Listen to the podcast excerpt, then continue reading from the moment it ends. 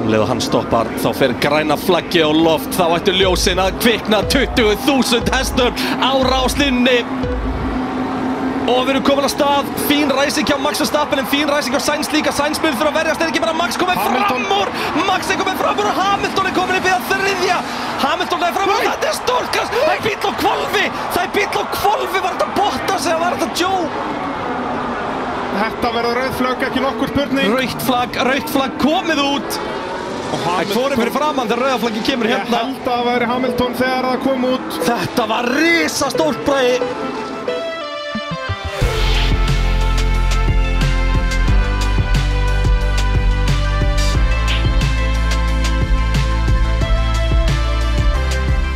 Jú, pitturinn hilsar uh, eftir eina skemmtilegustu kappaðshelgi sem ég man eftir. Skemmtilegast að keppni tímubils í staðfæst, skjálfist og þinglist Já, og þú veist, málega það, það er svo erfitt að dæmi um þú veist hver er skemmtilegasta keppnin, því að til þess að sé skemmtilegasta keppnin, þá þarf það eiginlega að vera þannig að þinn aukumæður vinni á síðasta ring, Já, skiljum já, Þú algjörlega. veist, einhverjum svona, þetta er svona, það er að skora tvö upp á tíma.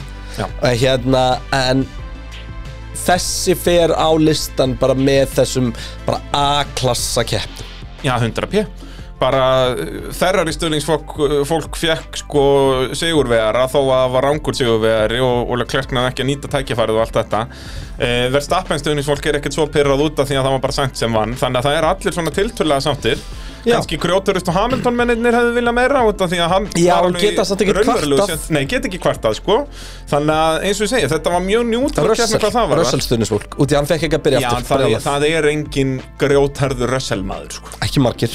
Það er ekki, og svona þeir sem eru grjótarður rösselmenn eru líka alveg á einhverjum öðrum vagnir sko. Já, nei, nei, ég, held- ég held að þau séu Það er alveg... til alveg ótrúlegasta fólk sko, sem er bara Ég nefnilega get það ekki í, í, í, Ef ég byrja að fylgjast með einhverju nýju sporti og er búin að ákveða það, þú veist, að halda með Þú veist, eins og ég held með Sikako Bulls í, í Körubolta og það er ástæði fyrir ég nenni ekki að horfa á Körubolta Út af því að það er, þú veist, tímabilið er alltaf búið hjá þeim semst í regular season og allt því að þú sko. komst inn uh, sem Jordan fanboy Já, já, bara En sko, sko, ég virði samt svo núna Því að það kom í ljós að það var fyllt af sænstunisbólki um helgina Já, Á samfélagsmiðlum sko. Já, já En þú veist, til dæmis hvað það er mikið að perestunisbólki Já. Og ég er ekki að segja að þú er ekki að halda með peres og heldur með Red Bull eitthvað annað, En nennur í alvörun að halda með einhverju sem þarf að færa sig fyrir einhvern annan Það er nefnilega málið, sko Hann er bara, þú veist, já, ef að verstafinn dettur út eða verða tveir ferraríjar á milli Peres og verstafinn, þá vinnur Peres Þú Já, veist, þetta er bara eins og McLaren stuðningsfólk í dag Við vitum að það er allt morandi Það er- halda flestir með McLaren já.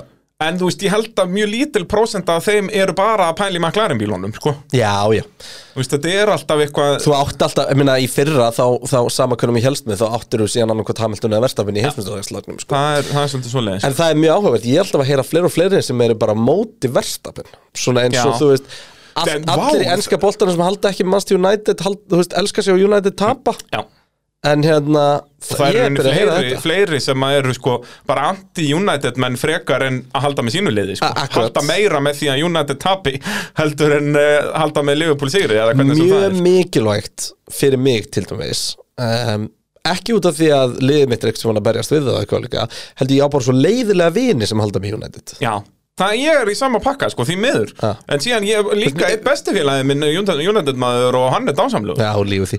Nei, ég meina þú veist þegar ef, að- ef að Chelsea Arsenal er að spila og, og Chelsea vinna þá er ég ekkert eitthvað, ó, ég nefnir ekki að hitta Braga nei, Nei, Jú, nei. það kemur eitthvað flottu leikur eða eitthvað svona skilur, Max þú veist, og ef það væri eitthvað sem að við ættum raunverulega skýt skilið fyrir þá myndi ég fá að heyra en þá ætti ég að skilið, en þú veist Með United er það vera, sko Já, þú veist, þá fæ ég bara En eitthvað Liverpool menn ógeðslega eru líka alveg myndir miklir senda tussur, tímur og sko. eitthvað Já, En það allir komi ljós Liverpool-menn í, allir Liverpool-menn í mínu lífi eru dásamlegir, sko Já, En, við erum að tala um vittlösa íþrótt Það er rétt Eh, Eitt í þessu talandum Vestapen Var þetta ekki fyrsta skiptið sem við sáum á brautinu bara alvöru heit fyrir Vestapen? Jú, Það var bara alveg, og þú veist, þegar en sjúmakjör og hvort næstu var komið fram og bara það En hvort brautin var missi sig það út af því Ég brauti missið náttúrulega bara því að Mick Schumacher er að fara upp og allir elska Mick Schumacher Ég held að þetta hafi líka verið út af Max, sko Það var líka, þegar hann misti sæti var það ekki til Ég sko, ef að Latifi hefði farið fram úr Verstapen Það hefði, það, Það er náttúrulega það, það þegar hefði ripnað geitin- af Silveston Já, geitin En að hérna- pakka mestaranum sko. Vi, við farum að þykja svo leiðilegt hvað Latifi er mikið mím Við erum búin að tala um þetta, hann er ekkert skemmtur Það er ekkert gaman að gera grína gæja sem er svona næs Nei, nei.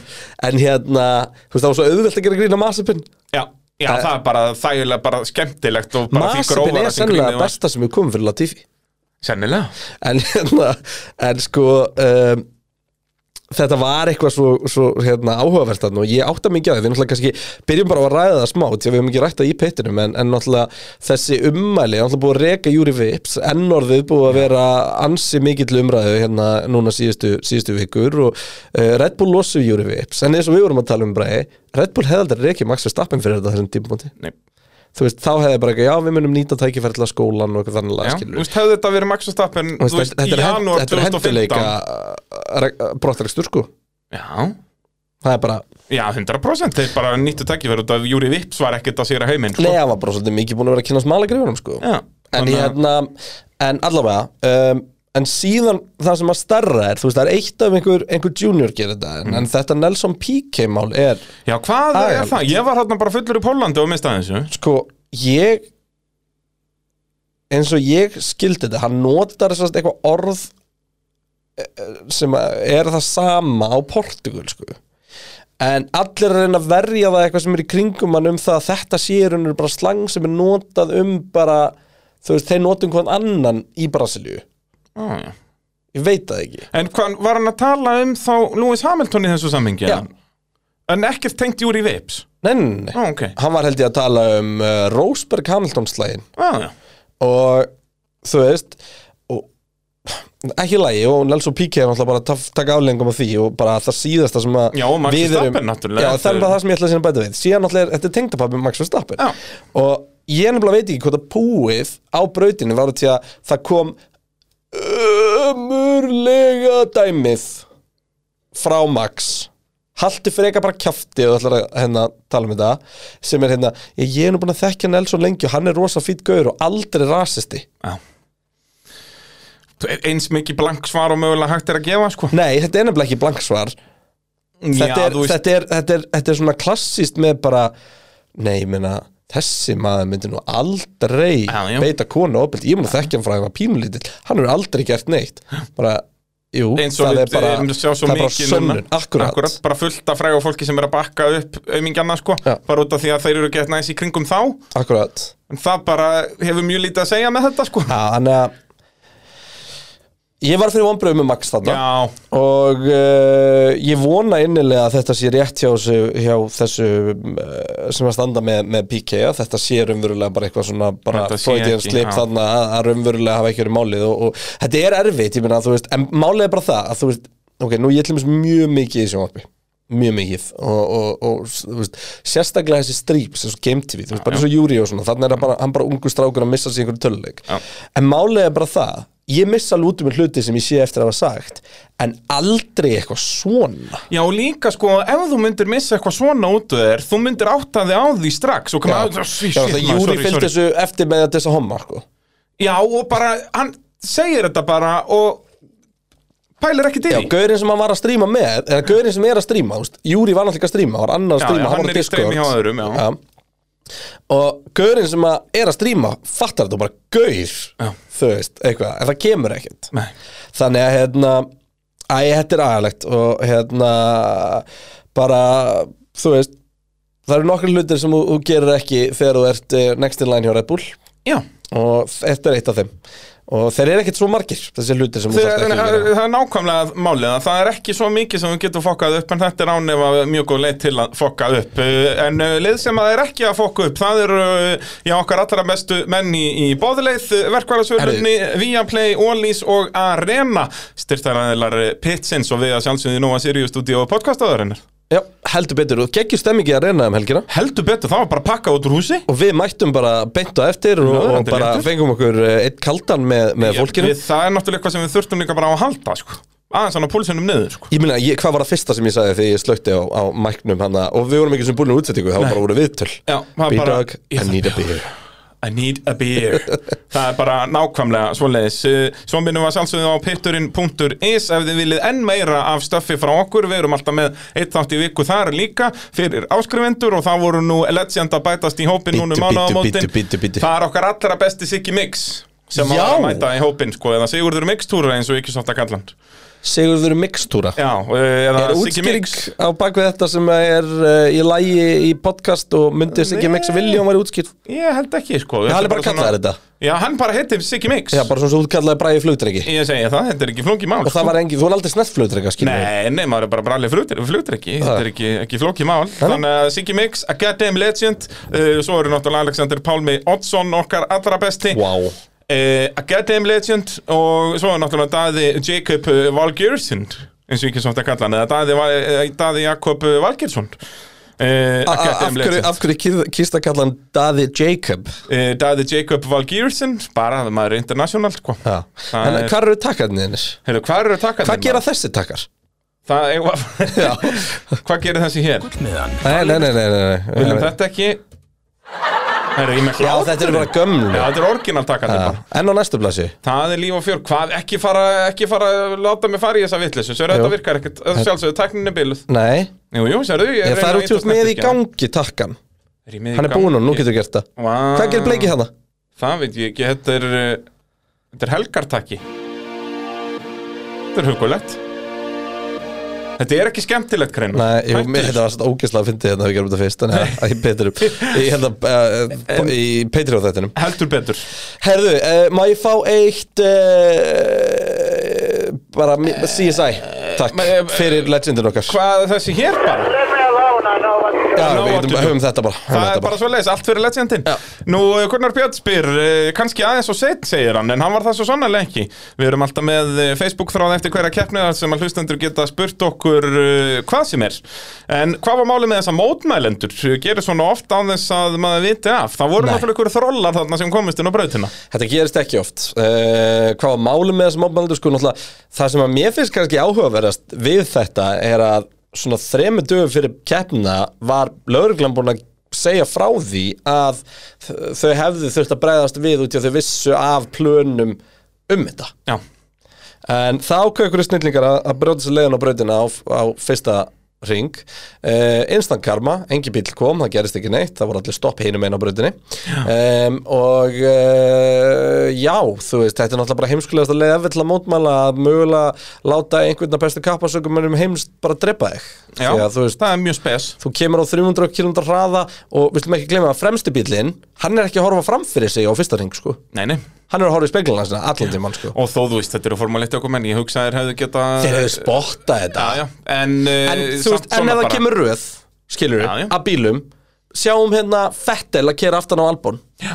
þú veist, Það er bara svona leins að ef það er og Það síðan hefði þeir getað einhverjir orðið að bremsa pile-up út af á- á- þessu, sko. Ég segi það Og, en þetta, þetta fólk var að mótmála óli já, já, sennilega bara búið að sulla svolítið mikið af olíu bara onni í sig uh, Meinill að fara og búið að vera þetta Já, fólk veist, ég, ég virði rétt fólk til að mótmála og uh, hef tekið þátt í mótmála sjálfur og ímislegt um, aðalega prótestum á, á kapphásbrutum yfir einhverjum refsingum sem ég er að Já. fá en, hérna, en uh, En þú hleypur ekki inn á brautirna Nei. í, í þeim mótmælenda gjörðum Nei, en sko nú er eitt, eitt legend kom með pittin á, á tattúran á sig Já, heldur betur, pits logoið gætum við gert svona svipa eins og gaurinn sem var alltaf að stríka með upplýsingar á sér þú veist, ef við látum hann bara hlaupa allsbyrnin á okkur völl einhvers staðar Já, á rallycross-keppnum helgina Búm, það myndi sjakalaka. allir vita hvað pittinu var eftir það já, nákvæmlega Bara með risastort pits logo á bakinu eða eitthvað Hlaupa nakkinn inn á rollingrúfbröndina það var geggjaf Nei, maður á ekki að hlaupa inn á kaffalsbröndin já, það er komið fordæmi fyrir því. Já, þetta er þetta þarna fólk að að vilja minka olíunotkun Ég fór bara í tilefni dagsins fór ég bara að nota meiri olíu Nei, Bara en ég svona meina, til en að- þú veist, af Til að hverju- mótmæla þeim ok, þú veist, augljóslega út af Aramco meikar þetta kannski sens að, að mótmáli kringu formúluna en á sama tíma er formúlan sennilega mest pushing að sjátt, þú veist, þetta er á sama degi og hérna Sebastian Vettel kerir FA14B uh, Williamson á Á afmælstæðinu synthetic sinu á bensíni. algjörlega uh, laboratory made bensin Bara synthetic alveg 100% sem er, þú veist, eh, framtíðin í, í þessu og, og eh, þú veist að Vettel er áuruglega eitthvað svona fyrirtæki Já, þegar Fettel 100%. hætti þá verður hann örugglega skriljaðamæringur því að hann sá til þess að ólía yrði öll framleitt bara á umhverfisvarnhátt Já, þú veist, hann á ábygglega nokkur fyrirtæki sem eru bara að púsa í svona íkóðustöfi, sko. Það er bara... hann hlýtur að eiga eitthvað í þessu climeworks þetta heima, finnst hann að komi annað skipti í tengslu við það Já, eitthvað alltaf að kíkja á, á klakkan að að kíkja á þetta uh, Einar Sveitn, okkar allra besti spyr uh, Ég verið persónlega til að hafa Silveston 2 á hverju tímabili Setni keppni möguleg lók september með sprett keppni og hvaða braut myndu skipt út fyrir það uh, Ég er allan á 100% sammála einari að ég verið til í sko Silveston þá með sprett keppni og einum mýkri dekkjum eins og er gerði þetta inn í COVID þá vorum við mismunandi dekk nei, ég, ég vil það ekki Jæja, Og það er ekki út af því að Silveston er ekki frábær Það er út af því að Þú veist Ástæðan fyrir hún er frábær er að við fáum hann ekki alltaf oft algjörlega, það getur ekki verið jólakværundi ja. Þú veist, þegar það voru back-to-back Silveston keppnir Ef að dekkin hefði ekki sprungið í senni keppni Þá er þetta ekki verið skemmtilegt Já, já, það var bara það að se- að Hamilton kláraði, það var svo mikið dramaðan á lokaringjónum, sko. En hérna, eh, Silveston geti verið þessi braut með konseptið mitt að það var sömu keppni í byrjun og loka árs en það er ekki hægt út af veðri, sko. Já, Já Sem er það er skemmtilegt. það áhugavert Já, bara snjókeppni bara, við vorum næstu búin að fá það á Núrburgring hann 2020. Ekki næstu, því, það snjóaði Já, snjóaði En rétt það, fyrir það keppni. fest ekki Sko, Já, þannig að e, það er líka góða punktur að það með ekki verið jóla hverjum degi e, Hjalti Hjartars spyr e, segir að hann hafi mista keppninni en ef þið getuð, ættuð að lýsa henni með þremur staðarheitum, hver eru þau? Sko, ég, myndi, ég myndi byrja á Melbourne Já, Melbourne? Já, Já því að það er náttúrulega alltaf kvolfi í Ástralju já heyrðu það, gott sjátt gott sjátt. um, Hvað meira?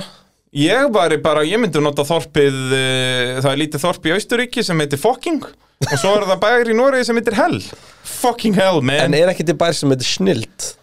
Já, snild, jú, það geti verið eitthvað stær í Þískaland Ég, ég, ætla- ég, ætla- ég ætla að fara á maps.google.com Aðtöfa hvort það sé snild því að En ég ætlaði sko að reyna að finna bæ sem hérna hvort bloody eða holy Þannig ég geti verið með bloody fucking hell En Herri. ég fann það ekki það er til, það er til hérna fjörður uh, í, í Noregi sem heitir Snildal Snildal, það þannig er að, þannig close að þetta er enough. fucking Snildal Já, fucking snildal hell Já.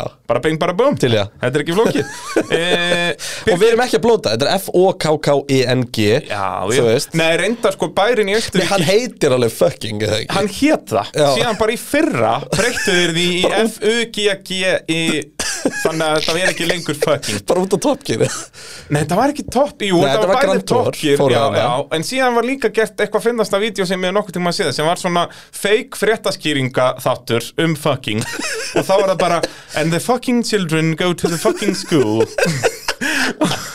and the fucking mothers are very pleased það er bara út að það er endalaust grín hægt að gera Eh, mjög gott This En þú veist, fucking a- af hverju cow ætti ég að heimsa is very pleased with the grass in fucking and the fucking children are running to the fucking school Þetta er alltaf gott grín sko. hérna en nú lágum ekki að heimsa hérna bæði lengur Nei, ef þetta er bara fucking þetta er bara fó- fucking Já, það fucking er náttúrulega ekkert vit í því sko. Því að þú veist, hversu bara, bara, bara valjúð í því Þetta er svona eins og hérna, það eru nokkur nokkur svona bæjarnöfn á Íslandi svona, sem að eru við ringvegin og fullt af fólki í stoppu og tekur myndir, þú Já, veist, já, eitthvað þú veist, massi hella og eitthvað og svona, já, Nei, nei, já. ég er að tala bara á íslensku, sko já, ég segi það sem eru svona, já, já Þú veist, ég væri til í að eiga mynd að mér Með bara fuck- með svona Já, þú thumbs veist, up í hliðina á bara svona welcome to fucking Já, og þú veist bara pælti hvað kaffuhús að þarna hefði verið að gera gott mót meðan þetta hétt fucking Bara ekkert bara, eðlilega Ég gott myndi svo 100% skýra það bara the fucking coffee shop Þú veist, og það væri bara eðlilegt og, og bara túrisminn, þú veist, það er enda Grand fucking hotel Já, ég segi það, bara það verður að vinna Þú veist, túrismin núna hlýtur að fara vel niður eftir að skipta um nafn sko. Herri, við erum, við erum konir við erum konir langt út fyrir uh, hérna, Það er svo topikið sannarlega. en fucking snildal hell Já, uh, Birgir Ágúst spyr til hvers eru sausage- sausage curb eða, eða pilsukantar á brautum Það er líklega að geta veldið barnaslýsi í formúlu 2 um helgina ef ekki væri fyrir heilóið Við vorum eitthvað að jóki hvað væri fyndið að væri úkslega mikið að sausage curbs á Dion bröðinni Já, þá var þetta Dijon pilsur Já. Það Það er nú reynd ekki amalegt að sinneb og, og, uh, Og pilsa og pilsa þetta- Pulsa. og, e, já, ah, já, pulsa Ég get ekki, viðst við þig, þú ert Nei. uh, pulsu Já, þetta. Það er svolítið svo leiðis Hérna Þeir eru já, hugsaði rosalegt- til þess, þeir eru hugsaði til þess að, að þú getur ekki grætt á því að fara vinnalega Já, og uh, þú veist uh, virka svo sannlega vel í því Já, en, en- en síndu okkur til dæmis um helgin af hverju þeir eru alveg gjössamlega gali koncept já Og við höfum séð að sáum það, ég var það ekki formúli 3 á Monsa um árið Þegar hann var bara næstu í banasleis út af þessu þegar hann kemur hann Þegar bara hann flýgur bara yfir girðinguna lengur Já, var, ekki, var það ekki bara henni bara bollikunni Jú, en var, var það, nei, nei, það var í Jú, það var, nei, það var ekki parabolikunni Var það Það er kurva ekki um alveg grandi? gæjan sem að kemur hérna bara, dung, dung, dung, svona, bara á nefið allt á undan og rullar minnir það að vera í parabolikunni Ah. Það geti verið en manstu það Bara var búið að flýgur. setja pulsukanta á utanverðinni í parabolikunni sko. Bara vitleis, bara sko galið Já. þú veist, það er svona það er svona já, þú veist, það er bara einhver hriðvekstar sem sko. Já, en þetta er náttúrulega aðalega minni bílarnir sem að fljúa upp á þessu Formule 1 bílarnir höndla aðeins betur en samt ekkert frábænlega ekki með fjöruna núna En þú veist, þetta þarf að vera þannig þessi pilsukantar þurfa að vera bara brattir öðrum megin Þú veist, þá, þá ertu alveg að refsa líka En þú verður, grasið verður svo bara að ná yfir þá á innanverðinni, skilur Þannig að bíl eins og þarna í Formule 2 já, fyrir- fá ekki lons alveg akkurat Þannig að þú ert ennþá að hossast yfir þetta að þú ert að skera beiguna En ekki að þú ert að koma út að sérst Það sem gerist í Formule 2, þetta er fyrir lokalikkin ógeðslegt Já, og annar aukumaðurinn þarna fyrir inn á grassið og bara Já. náttúrulega næra ekkert að þeir bremsa á lenda, þeir grassinu lenda saman og sem sagt, Nissan í Nissani er sá sem að pressar hinn út hann pressar hann út af Já. og þetta er bara fyrir á loka hlikkin bara það sem að fer hann í pittin þetta er ógeðslegt, svo bara kemur hann inn í grasið lonsar á sástiskörfinu Já. og lendi, við erum bara að tala um hliðin á bílnum lendi bara á haustnum á gæðinum og bara, sko, þú veist, hann hefði keirt inn í hann uh, og bara basically skallað hann ef það væri ekki fyrir heiluð Já. þú veist, hann væri ekki með höfuð Nei, það er bara það, það er svoleiðis bara þannig, þú veist, hjálmurinn hefði ekki hjálpað hann sko. Nei, og, og svo náttúrulega tölum við kannski betur um uh, hvað New Joe slissið bara þegar í Alfa Romeo sko. Já. En við tölum náttúrulega um afleðingar slissins í, hjá Ferrari og, og Red Bull þegar við förum yfir liðin sko. en, en eigum inni slissið fyrir Alfa Romeo sko. Já. Út að við vorum ekkert að byrja þannig leik sko. Við þurfum að láta fólk vera spennt fyrir því sem að mun koma í þættinum sko og Já. það við erum uh, sérfræðingar sem það til uh, en þá er komið að því að eins og við gerum í öllum þáttum pitsins að þá förum við yfir keppnuna semst í því formati að við förum yfir liðin í þeirri röð sem þið er í heimsveimstaramótinu það í er bara þeirri svona röð sem þau berast E, Stórfenglegt, Eh, Red Bull Racing RPPT eru enn í fyrsta seti heimsættarumótinu með 328 stig Max Verstappen resti annar í keppni en endaði sjöundi, Sergio Pérez resti fjórði en endaði annar eftir að hafa verið í síðasta seti eftir eh, sex ringi og eh, Max Verstappen leiðir heimsættarumótið og Pérez er enn í öðru seti þar Eh, Margaret- gerðveikur í tímatökunum Max Geggjaður í tímatökum Geggjaður. Eh, Hefði Max unnið eh, ef bílinn hafði ekki tjónast spyr Margaret Átnardóttir 100% Já, og það hefur líka gert keppnina bara leiðilegri Mhm. Það er, eh, enda held ég að það sé eh, hérna einhver spurning eh, það, þú sest, já, eru bara áhuga að vera keppnir Hvernig ef ætlar að Max viðkenna að lendir þú í skeist vesinni? í spurningunum? Í Facebook skeiti spurningunum Já, ok Það er alltaf þegar maður ítir á eitthvað annað Ítlu ræðari kennir árinni Já, eða uh, lélugur vinnumæður blames his tools uh, eh, Ekki þeir sem nota Milwaukee Workersölunni Heldur betur ekki Já, ef að lélögu vinnum að reynir að, að blama his tools og emmi Milwaukee þá veitum hann er að ljúga Já, það, og er mjög lélegur Það er bara svoleiðis En uh, jú, við fengum spurningu um sem sagt uh, þurfa, Til þess að fá skemmtilegar keppnir Þar Max Verstappen að lendi í vesenni Og basically bara já, Verstappen og Red Bull eru bara í annari deild sko. En uh, sem betur fer eh, Fyrir okkur sem að heima sitjum að Þá lenda hann í bastli Þannig að við fengum geggjaða keppni Og uh, já, ég vil ekki bara byrja á Max Verstappen Já, Pétur Sigurður, það er spurningin sem þú ert að leita f- segir, er það staðrenda þegar Max dettur úti eða hófið vesir að stríðar og keppnir ára mikið skemmtilegri Já, eh, Ekki endilega, en ef hann er með vesen þá verða þær það oft, já Þú veist, Barcelona varð áhugaverðar út af vesinu Mhm. Þessi varð áhugaverðar út af vesinu um, og en- þetta hafði bara verið allt annað ef að þessir fjórir hann að vera að berast um annarsættið með max 30 sekund undan sko. Já, það er verið aðeins öðruvísi sko Já, En það er- þetta var náttúrulega eftir auðvitað samt sko Já, vissulega um, Ég veit ekki, þú veist kannski hefðu við alveg bara fengið næst lagan Ég meina, Peris var ekkert eitthvað mælsa hett af hinnum en, en við vitum að Max var miklu hraðan en Peris þessa helgina Já. Þannig að hérna ég veit það ekki en uh, já, klárum bara Max, byrjum Já. bara á því uh, eins og þú segir, geggjaður í tímatökum já, alveg þangað til að náttúrulega þetta gula flagg líklegast tekur á hann um ráspólinn og, og ekki bara tekur á hann ráspólinn, heldur tekur af honum ringin þegar að bröndin var hröðust sko. Já. um, sem, og, og hann var allir fjólublar þarna á þessum Það, hring að röddum mín er ekki alveg 100% þetta er helgina sko. Nei, ég skil það mjög vel en ég er búin að hafa með whisky Ú, ég er like it. búin að uh, ég Hunang og drakk te. halvan lítur af ólvóli og leðningað Já, ég fíla það. Þá ertu líka alveg eins og nýriðin kettlingur Virgin Það, ó, hérna vákaði langt sérna þetta nýriðin kettlingur hefur komið upp já, gott að eiga hann inni Já. Það er bara svo leiðis Gott að hafa einn nýriðin af kettinum sko. en hérna sko það var algjör, þetta- þetta stemdi algjörn Max Masterclass og ég meina hann pakkar sæns í fyrstu ræsingunni Jep. Þú veist, Jesus Christ hvað hann pakkar og maður nærði ekki hérna í setni og það komur hann svolítið á óvart nær fórustinni hins vegar Eftir sanns mistök Já, alveg rétt Tjúvill gerist mikið í þessari Ég keppni veit það, maður gleymir En bara hann hvað var, gerist í samt, byrjun hann var samt alveg komin í speklinu og var að byrja að ná hann Já, algjörlega um, Og ég meina við vorum alveg að sjá það að sko, þú veist munurinn á keppnisraða Red Bull og Ferrari var jafnvel tæp hálf sekund og ring sko. Já, á meðan að munurinn á keppnisraða Ferrari og Mercedes var undir tíundalöta já, sem var mjög áhugavert uh, og við komum að því nánar á eftir um, en írónían í þessu öllu saman og það, þú veist, enda þú fegst, hvað fegst þú mörg ha ha ha ha ha frá mér þegar ég sendi þér uh, skilabóð eftir keppni þegar ég komst að því hva, af hverju bílunans Max var bilaður já því að við náttúrulega gerðum alveg svolítið mikið grín af Yuki Sunoda og, og Alas Sunoda og Pínu Gasly ég er ekki ennþá búin að sjá hvað gerist setnaskiptið Nei. það hefur eitthvað gerst, en allavega R- Alfa Tauri voru sjálfum sér vestir þessa Já, helgina, eða bara- aukum en Alfa Tauri voru sjálfum sér vestir þessa helgina það var kjörin keppnum til að skora stig þeir eru að missa alls konar fólk út þeir var fýtt hraðaðið, þeir voru á flottum stað Keppnispeysin var fínt Já, nefnilega og hérna en uh, ákveða að fara að berjast ykkur annan og fokka öllu upp tvisvar Já, henda í Og- lögleitt kamikassið stemmingu bara bara svona út í að það var ekki nóg þá við fyrri kontaktinn dettur einhverjum bútur úr öðrum hvorum alfatárunum hann festist í golfinu á bílnum hans Max Verstappen og það er bílunin sem Max Verstappen var að kljást við Já. að það var fast sem sagt, eh, bútur úr Alfa Tauriunum í gólfinu, sem sagt vinstra megin aftan þannig, stendur með þess að alfatári á bitanum Já, og bara Red Bull logo eða þarna sko bara þetta er að Þannig að dásamlega Yuki Tsunoda tókst að kompromæsa keppninni hjá þremur af fjórum Red Bull aukumönnum á brautinni Já, og kostaði sko sitt eigilið sennilega eitthvað svona f- 12-14 stig Og Red Bull sigur. Og Red Bull sigur, Já, Max kostaði, sigur. kostaði Max náttúrulega alveg hvað, Max endar á að fá hvað, 8 stig, eitthvað svo leiðis Hvað enda hann sjötti? Já, og, og í staðin hefði hann getað fengið 25 Já.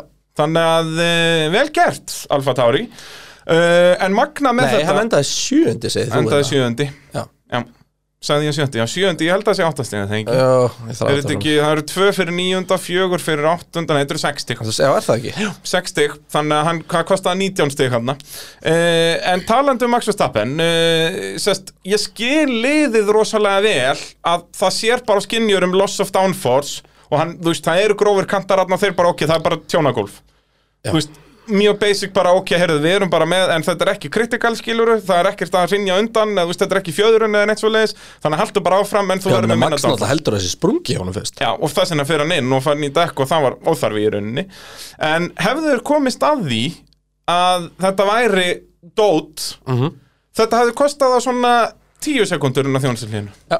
Og hann hefði verið fyrir framann Peres en þó í kemni Já, hann hefði sennilega unnið þess að keppni allan yfir annar Já, ég hugsa Það er bara svoleiðis, ef þeir hefðu fattað Og það er svo Max, sko Max sjálfur sér þetta, þú veist, hann fer bara upp á bílnum í parkfermi Kíkjur undir Kíkir undir og bara tekur þetta bara Ah. Frábært Þetta er ástæða fyrir að kemna mínu ónýtt Ætli þetta hafi ekki líka bara dottið úr sjálf, sjálf, sjálfum sem þegar hann stoppar Nei, Nei, þá hafði hann Það stoppað var dótt í pitstopunum Mér snöfnilega svo magna hvernig þetta getur gæst Við fengum nú gott sjónarhóttn á botn á Formule 1 bíl þessa helgina Það er til svona miljón myndir af Nei, menn þetta nákvæmlega hvernig hlýtur bara að hafa botnin lítur verið út fast einhverstaðar í göngunum eða diffjúsernum eða eitthvað þannig En þú veist, þetta er alltaf smúð Þú veist, vissulega koma síðan þessar rifflur Já, Þetta nei, hefur ég er verið bara að tala um vets sko, ef að fara þetta milli. fer þar í gegn í rifflunum og svo bara þrengist hún einhverstaðar Já. og þetta bara, þetta er bara svona Já, Og það bara er svo mikill þvingast, þrýstingur að skilurðu. þetta bara þvingast almennilega Já, En samt magnað að í þessum styrlaða þrýsting því að þetta hefði þá þurft að vera væntanlega flatt rétt En út að hann náttúrulega pikkar þetta upp á miklum hraða Þannig að kemur strax mikill þrýstingur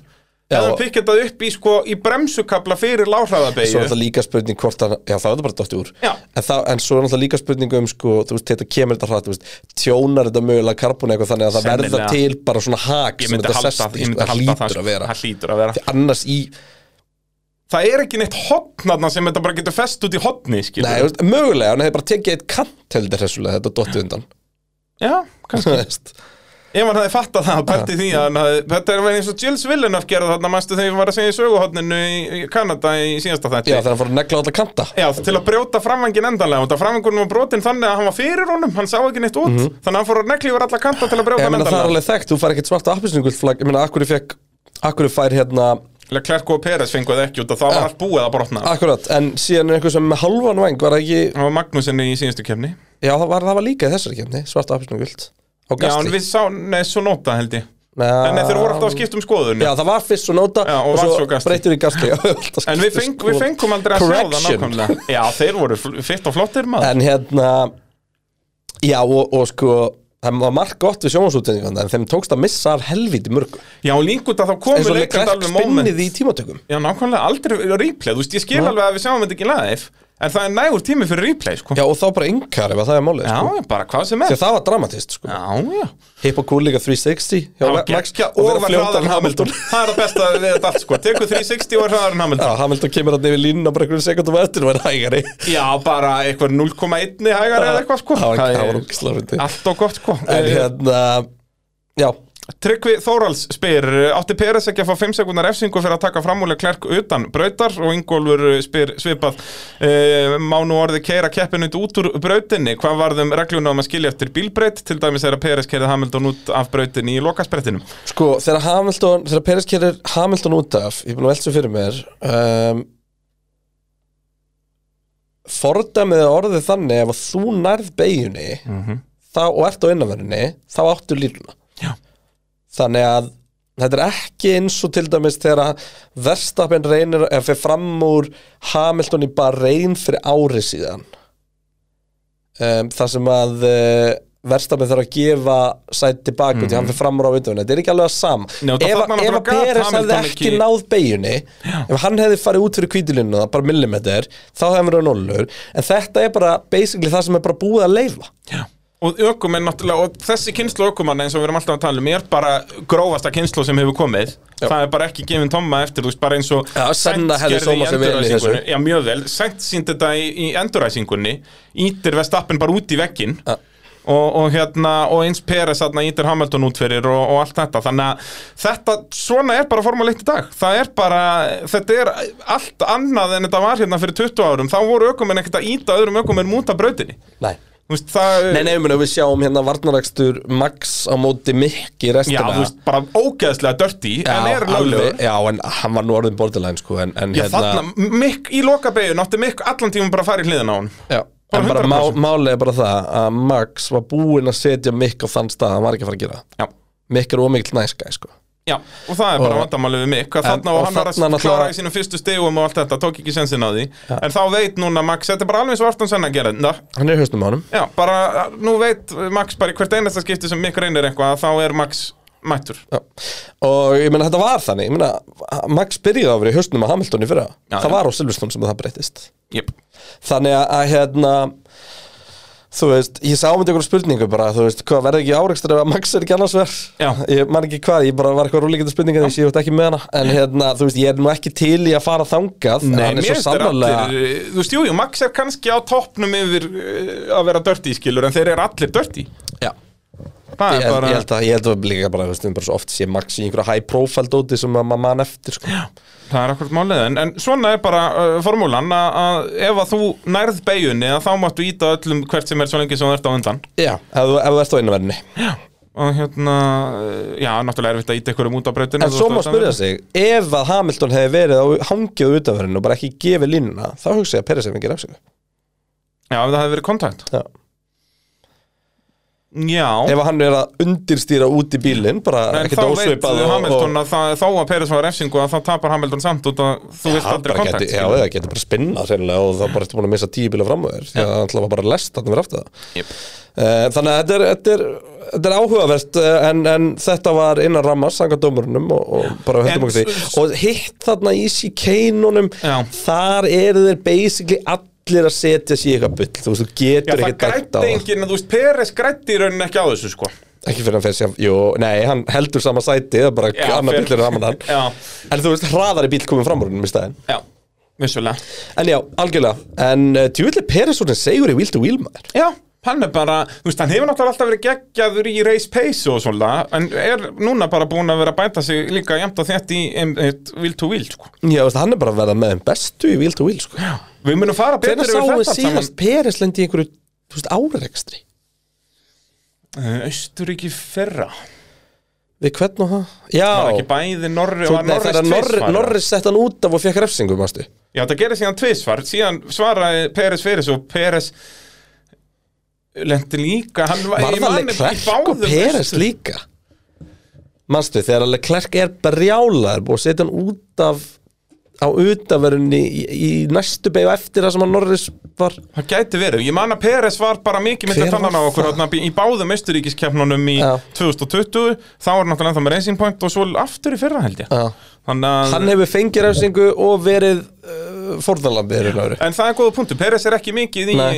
þessu og, Hann er þú veist, góður sko eins og bara Hamilton Þú veist, Hamilton eh, sem sagt, áttar sig yfirleitt á því sem að við töluðum um eins og í fyrra sem veikleika í rauninni við slagnum við Max Verstappen en, en hann hann áttar sig á því hvenar á að púla út og reyna við betra takkifæri setna skilur Já. ef að hann Og veit að hann er ástæðan hraðari fyrir að bíll. Silveston varð eins og það var, var að hann hafði eitt tækifæri um leið og Red Bullum var búin að hitta dekkin, það var Red Bullum farin Já, sko. þannig að þarna vissi hann að hann bara þurfti að teka stens, skilur Það var málið Út að hann var ekki, hann vissi, en síðan eins og í Brasilíu þá vissi hann að hann var mikið hraðara bíl og gatt bara nota, fengi betra tæki fyrir setna, skilur Já, líka vantarlega bjóst bara við refsingum Max Já e Valdimar Átna spyr eh, sannar þetta ekki að nýju reglurnar eru að virka seinustu hringindu voru störtlaðileg klærka gömlum hörðum en náði samt ekki að hangi Peres og Hamilton til að berjast við og þá að tefja Sko e Við hefum ekki verið með fjóra, fimm bíl í röð og Silveston hérna þóttalega Klerk hafi verið að hægja hópnum þegar voru með Klerk, uh, Peres, Hamilton og Alonso og svo var einn, hérna, Svo McLaren Norris fyrir aftan. þarna fyrir aftan Eitt, já, hvað þurftur að hugsa þau um hvort hann var Norris eða Ricardo eða? hann var syngur á millið þeirra sko. Nei, já, en þú veist, að þarna var hérna, við hefum ekki séð þetta á Silveston í fyrra Nei, þarna í gegnum hárhraðanstöffið hefðu verið mistað mikið dánfos og getur ekki verið svona nálægt þannig að það er komur hún óvart hvað var lítið af hangarstrætt framröksturinn fyrir vikið með Já. að fólk að hangið í gegnum magas og backheads en bara, þú veist kjölsóið er líka minna við slum ekki gleyma því, sko Ég held að það sé akkurat málið En þarna náttúrulega stærsta ástæðan fyrir að fá minn rosalega slag Það er dekkjamismunurinn Þannig að þarna ég myndi skrifa þetta meira á mismunandi strategíur heldur en nýju bílana Þó að nýju bílanir hjálpuðu En þarna vil ég bara, ég er alltaf að tala um þetta Við verðum að fá fle- fleiri pitstopp í En kemni þetta, þetta raðast líka fullkomlega upp, þú ert með hægasta bílinn, svo ertu með næstraðasta bílinn og svo ertu með hraðasta Já, já. bílinn í röð um, og þú veist, það, það er að fara að gefa okkur alltaf ákveðna stemmingu, skilur við Já, við fáum sem sagt, eh, þegar að strategíunar eru mismunandi þegar að, þú veist, nokkur eru að þryggja stoppa og aðrir eru að tvekja stoppa þá eru meiri líkur að við búum til svona aðstæður þannig að það er líki latrið í þessu fyrir mér að við verðum að fara að fá keppnir sem að eru, þú veist, annarkvort tvekja eða þryggja stoppa ekki annarkvort einstoppa eða Sammála. tvekja stoppa sem að er þá yfirleitt aldrei tvekja stoppa þú veist, þessar Sammála. einstoppa keppnir eru Og ég agalegar er til í dekk sem að geta farið alla leið en þá eiga þau bara að vera talsett mikið hægari Já, þá eiga við bara að vera sorp Já. Þannig Eða, að- þú veist ekki alltaf sorp en þú veist, þú ert að tapa þú ert að tapa heilu styndi Já. á meðan þú ert á þeim, skilur Akkurat þannig að það sé marginal hvort að það borgi sig að fara yfir á millihörð, frekarnhörð eða eitthvað Og svoleiðist ekki eitthvað bara að vera á brautum sem að framúrakstur er tiltölu auðveldur á Út annars væri þetta allt einstofn Já, já, já, já, já, já, Þú veist, já. Það, það en sem, það við erum ekki ennþá búin að koma á braut sem er vonlust að fara fram úr á tímbilin bara Monaco já, þú veist, við erum búin að sjá fullt af framúrökstur mútum allt og ég held að hlutvarslega séu fleiri framúrökstur í keppni já, samt ekkert mjög mikið Og þetta er allt DRS framúraksturar já, DRS er E ennþá möst Já, já, menn þú veist þannig að það breytist ekki við bjökkumst kannski meira við því við nýju bíluna við myndum sjá öðruvísi framúrakstra en það hefur einhvern veginn ekki gæst Já, en síðan alltaf skulum við bara líka muna það að Við erum líka að tala um, þú veist, bara mishraða hérna, bíla og, og þú veist, ef að það er alltaf eitt sem er hraðar en, en hinir þá náttúrulega, þú veist, mun hann bara fara á undan og þetta hraðast eftir þeim hraða, skilur Já En, já, Ei, bara ánæði með allt, akkurat núna heldur betur Og þetta er eh, flott tímabild, ég vil þetta búið gaman við töluðum um, við fengum einhvern veginn spurningu þú veist hverju myndum við breyta ef við værum yfir fíja og þá er einmitt þetta tvent sem ég myndi vilja breyta ég vil fá minni bíla, léttari uh og, Mhm. Það mun svo, bæta reising já, og svo að fá lélegri dekk Sest, hvað það varðar að þau eh, missa grip fyrr en ekki þannig þú veist, við viljum náttúrulega ekki að dekkin sé að springa og eitthvað svo leiðis, en Nei, bara nei. að- að að gúmið fer í burtu þannig að þau verði, sem sagt, já, bara fá fleiri stopp í keppnir, það er lengi landriði til að búa til kappakstur Já Uh, ef við tölum bara aðeins almennt um Peres, djöðl var hann geggjaður Hann var öflugur Það er dottinu í síðasta sæti þarna þarf að fara inn Já. ja. með allt brotið eftir samstöð þarna í fyrstu beigjónum klest hann ekki að báða ferrar í bíluna Hann var svo mikið Já. að einbytta sér að forðast Vestappen að hann bombaði á bæðileg klærku og Já, sætt og tóknast í vestafinn út í leðinni Já. Við vorum að hrósunum ástu fyrir wheel to wheel og Já. komum langt að síðast ástuði En hérna Það var á fyrsta hring. Já, það voru, það voru snertingar og það var alltaf brotna framvangurinn en, en það sem ég var að minna að það var eitthvað svona blöðrulegt sko. Já. um, Og það er raun og veru sko Ég elska bara þess að nýja það, bíluna það, sem, það sem gerist og ástæðan fyrir að þetta verður og hann verður svona, maður, hann er múin að stinga alveg klerk af inn í hérna, þriðjubeyrun öru Já.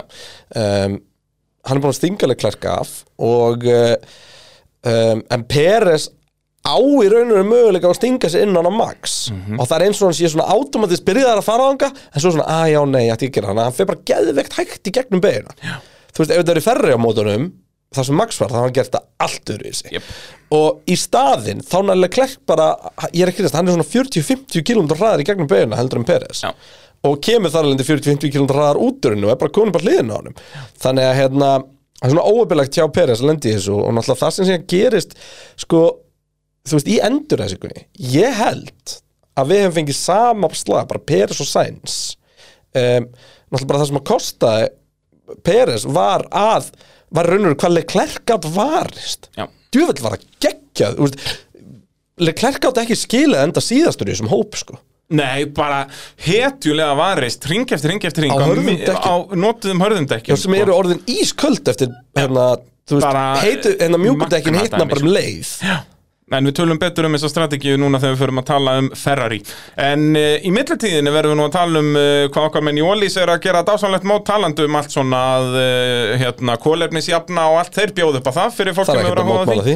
Það er ekki hægt að mótmæla því, það er svolítið svoleiðis og svo er hægt að uh, næla sér í Ólís leikilinn inn á ólís.is Munaskási í hópin, pitturinn Nákvæmlega og þá verða allir vinir í vinahópnum sjáðan til. Já, já, og bara auka afslátt, þetta er bara ekki fríkja uh, Við erum að vinna í bó, búbótum fyrir heimilin á Íslandi og Já. Ólís fara með okkur í þá vegferð uh, ásamt flerum, komum inn á það eftir. Já, nákvæmlega, nákvæmlega. En hverjir eru þá óvinir helgarinnar?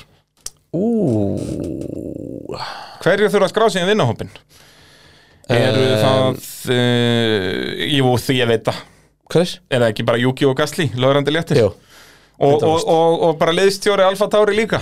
Því að það er venjulega liðið sem að kúkar á sig þegar þeir eru komnir í steg, nú voru þau okkur mennindir sem Já. tóku skellin. bara. skemmtilegt að að gera það svona með stæl og, og skemma Já. fyrir bara líka Red Bull og- Já, Þetta og bara- alveg. Hversu pirrandi var að vera Júkis og Lóta um kvöldi og komast að þessu Þetta er ekki hægt. Bara- Já, og líka ofan á allt hitt, skilu, hann hefur hlaupið í burtufólparöðinni Já.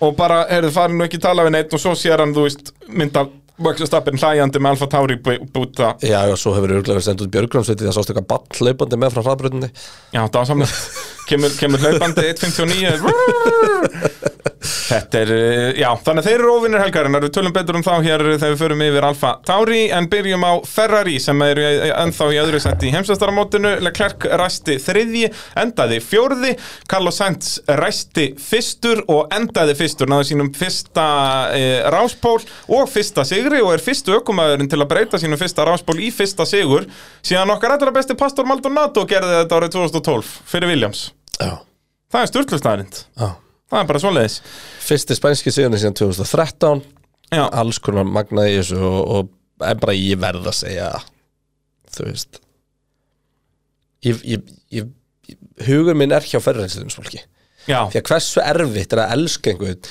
sem er alltaf að skjóta sig í fótinn í báðarlappi með haglabessu Já, og bara er orðin náttúrulega eh, langt síðan að Ferrari urðu algjörlega lappa lausir eftir að fá Ég- ég alltaf þessi hélt- högg í lappirnar Þú veist, ég held í um alvörum það verið komið hjá þeim Já, En, þú þeir veist, hafa bara ekki verið núna- mikið á þessu- þessu tímabili að vera svona en uh, þarna Þú veist, ég ætla ekki að Ákveður. taka neitt á Sainz Þetta var drullu vel gert hjá Sainz Já, já. En þú veist, við slum alveg muna það að Þetta er samt ekki on merit sigur, sko Nei, enga veginn, Sainz er, og við fáum alveg spurningar með, með þetta, við förum betur við það hér á eftir, uh, en Tryggvi Þórhals, uh, ef við byrjum á, á spurningunni hans, hve oft hefur það gæst að allur velunapallurinn er fyrir aftan liðsfélagana stigum eftir keppnum?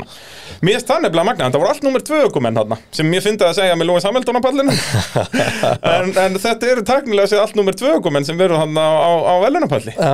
sem er alveg, mér fannst dásamlegt að sjá myndirnar þar sem þeir eru tveir sko það er pappi Hamilton er þarna og pappi Peres að hlæja Að og Tom, kyssast. og Tom Cruise er hliðin að þeim Pappi svona eins og- Peres er að kissa pappa Hamilton já og kissa eh, Tom Cruise líka Tom Nei, Cruise þetta- þessi hliðin á mynd þeim er bara svo báðum. geggju Já, Hann já. er svona að horfa á það og brosa Mér Þetta finnst er bara svo geðveikt, sko. fyndið að Carlos Sainz eldri var ekki mættur þarna þannig að það er eins og Tom Cruise sé pappi Carlos Sainz sko.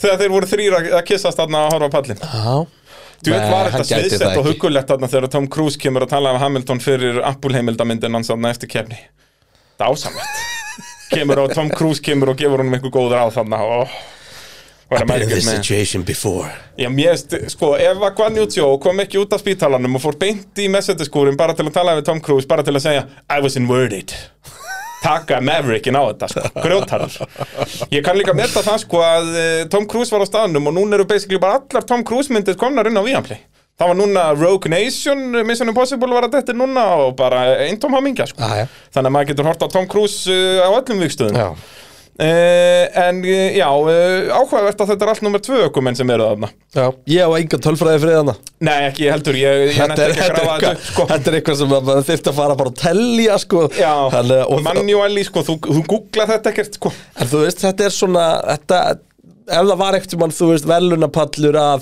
Fysikella, Kultard Og Barrichello. og Barrichello Þá hefði það toppað þetta sem var öruglega eitthvað tíman sko. Ég er ekki viss eh, Jú, ég voru ekki eitthvað tíma bara Alonso og, og Sjúmakar búin að klæsa konan Sjúmakar, Hakkerinn og Alonso saman ekki stóruð í grifi En Já.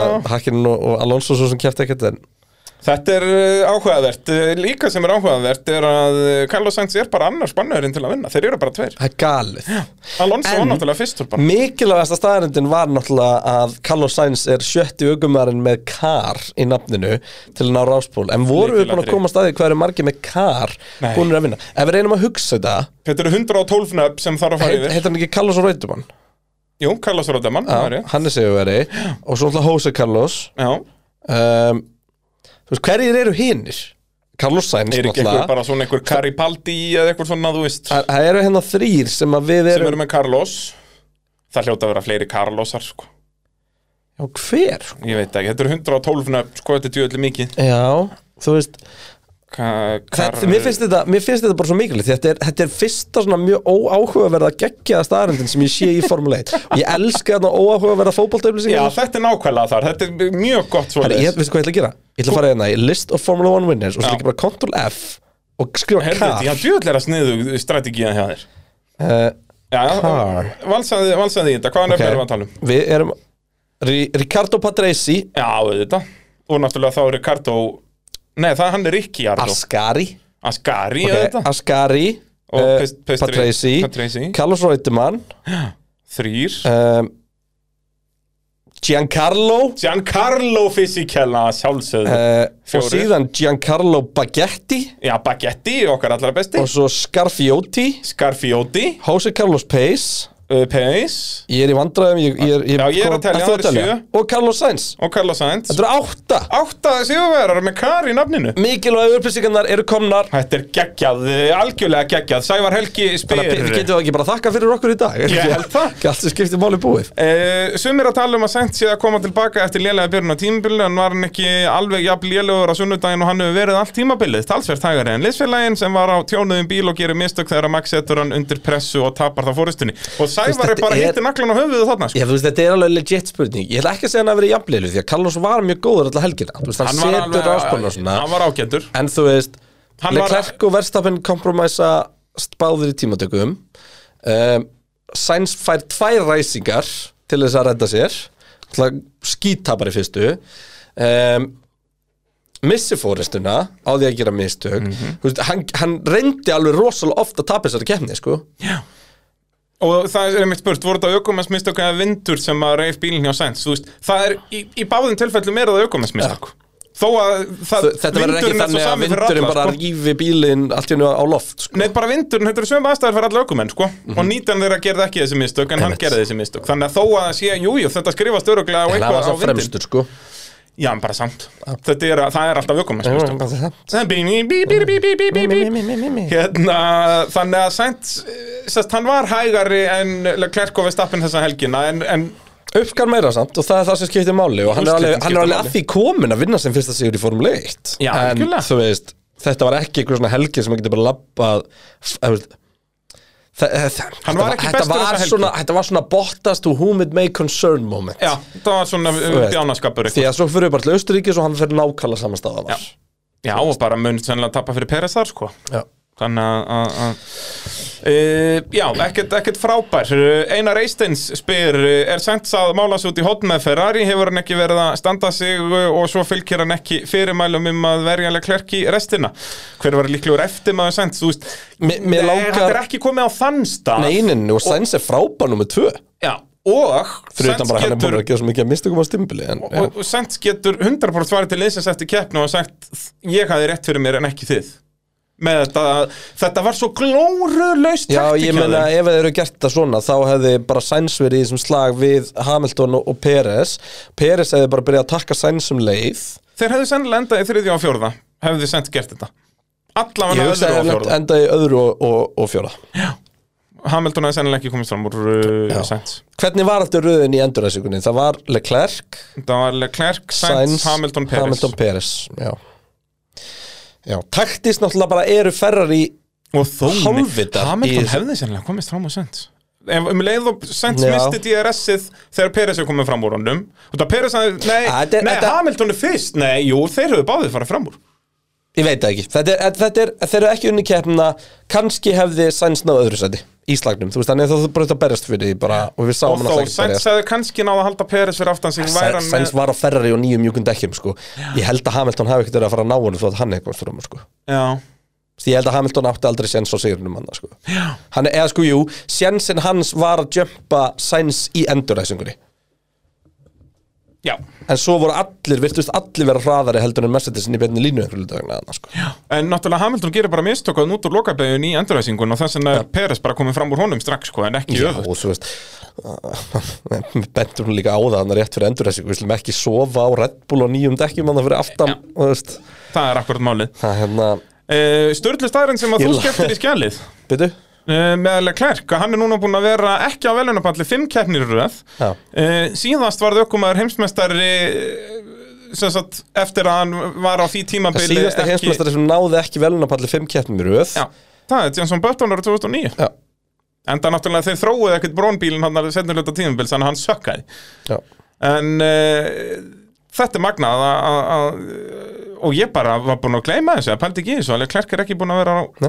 á velunapalli í- enda náttúrulega er þetta því hann er líku samt með stigin nýjur sem hann tapaði. áspóla í þessum fimm keppnum Algjörlega, bara störtlaður en, en hérna, er náttúrulega búin að tapa þarna bara einhverjum hundra stigum á Vestappen bara í nokkrum keppnum Já. og þú veist, eftir tímabilið eru það alltaf þessar fjóra-fimm keppnir núna sem að verða the talking point Já, ef- Ferrari nema bara, töpuðu nema þessu bara hérna. komið svipað fyrir á, á Red Bull Já. en hérna, og ég er ekki að sjá að gerast Nei.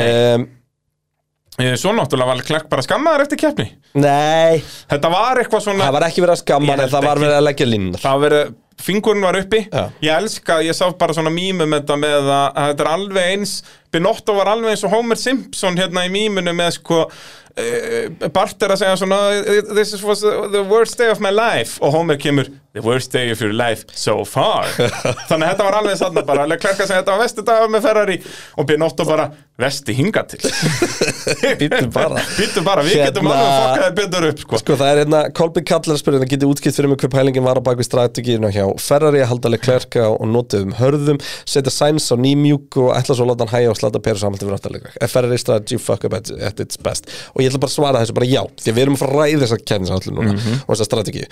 Og sko, nummer eitt, náttúrulega f- við töluðum um þetta í keppni Ferrari þurfa að taka ákvarðanir á punktunum, þeir þurfa að hætta þessu kjaftaði, þú veist Ferrari er að blæða stigum Já.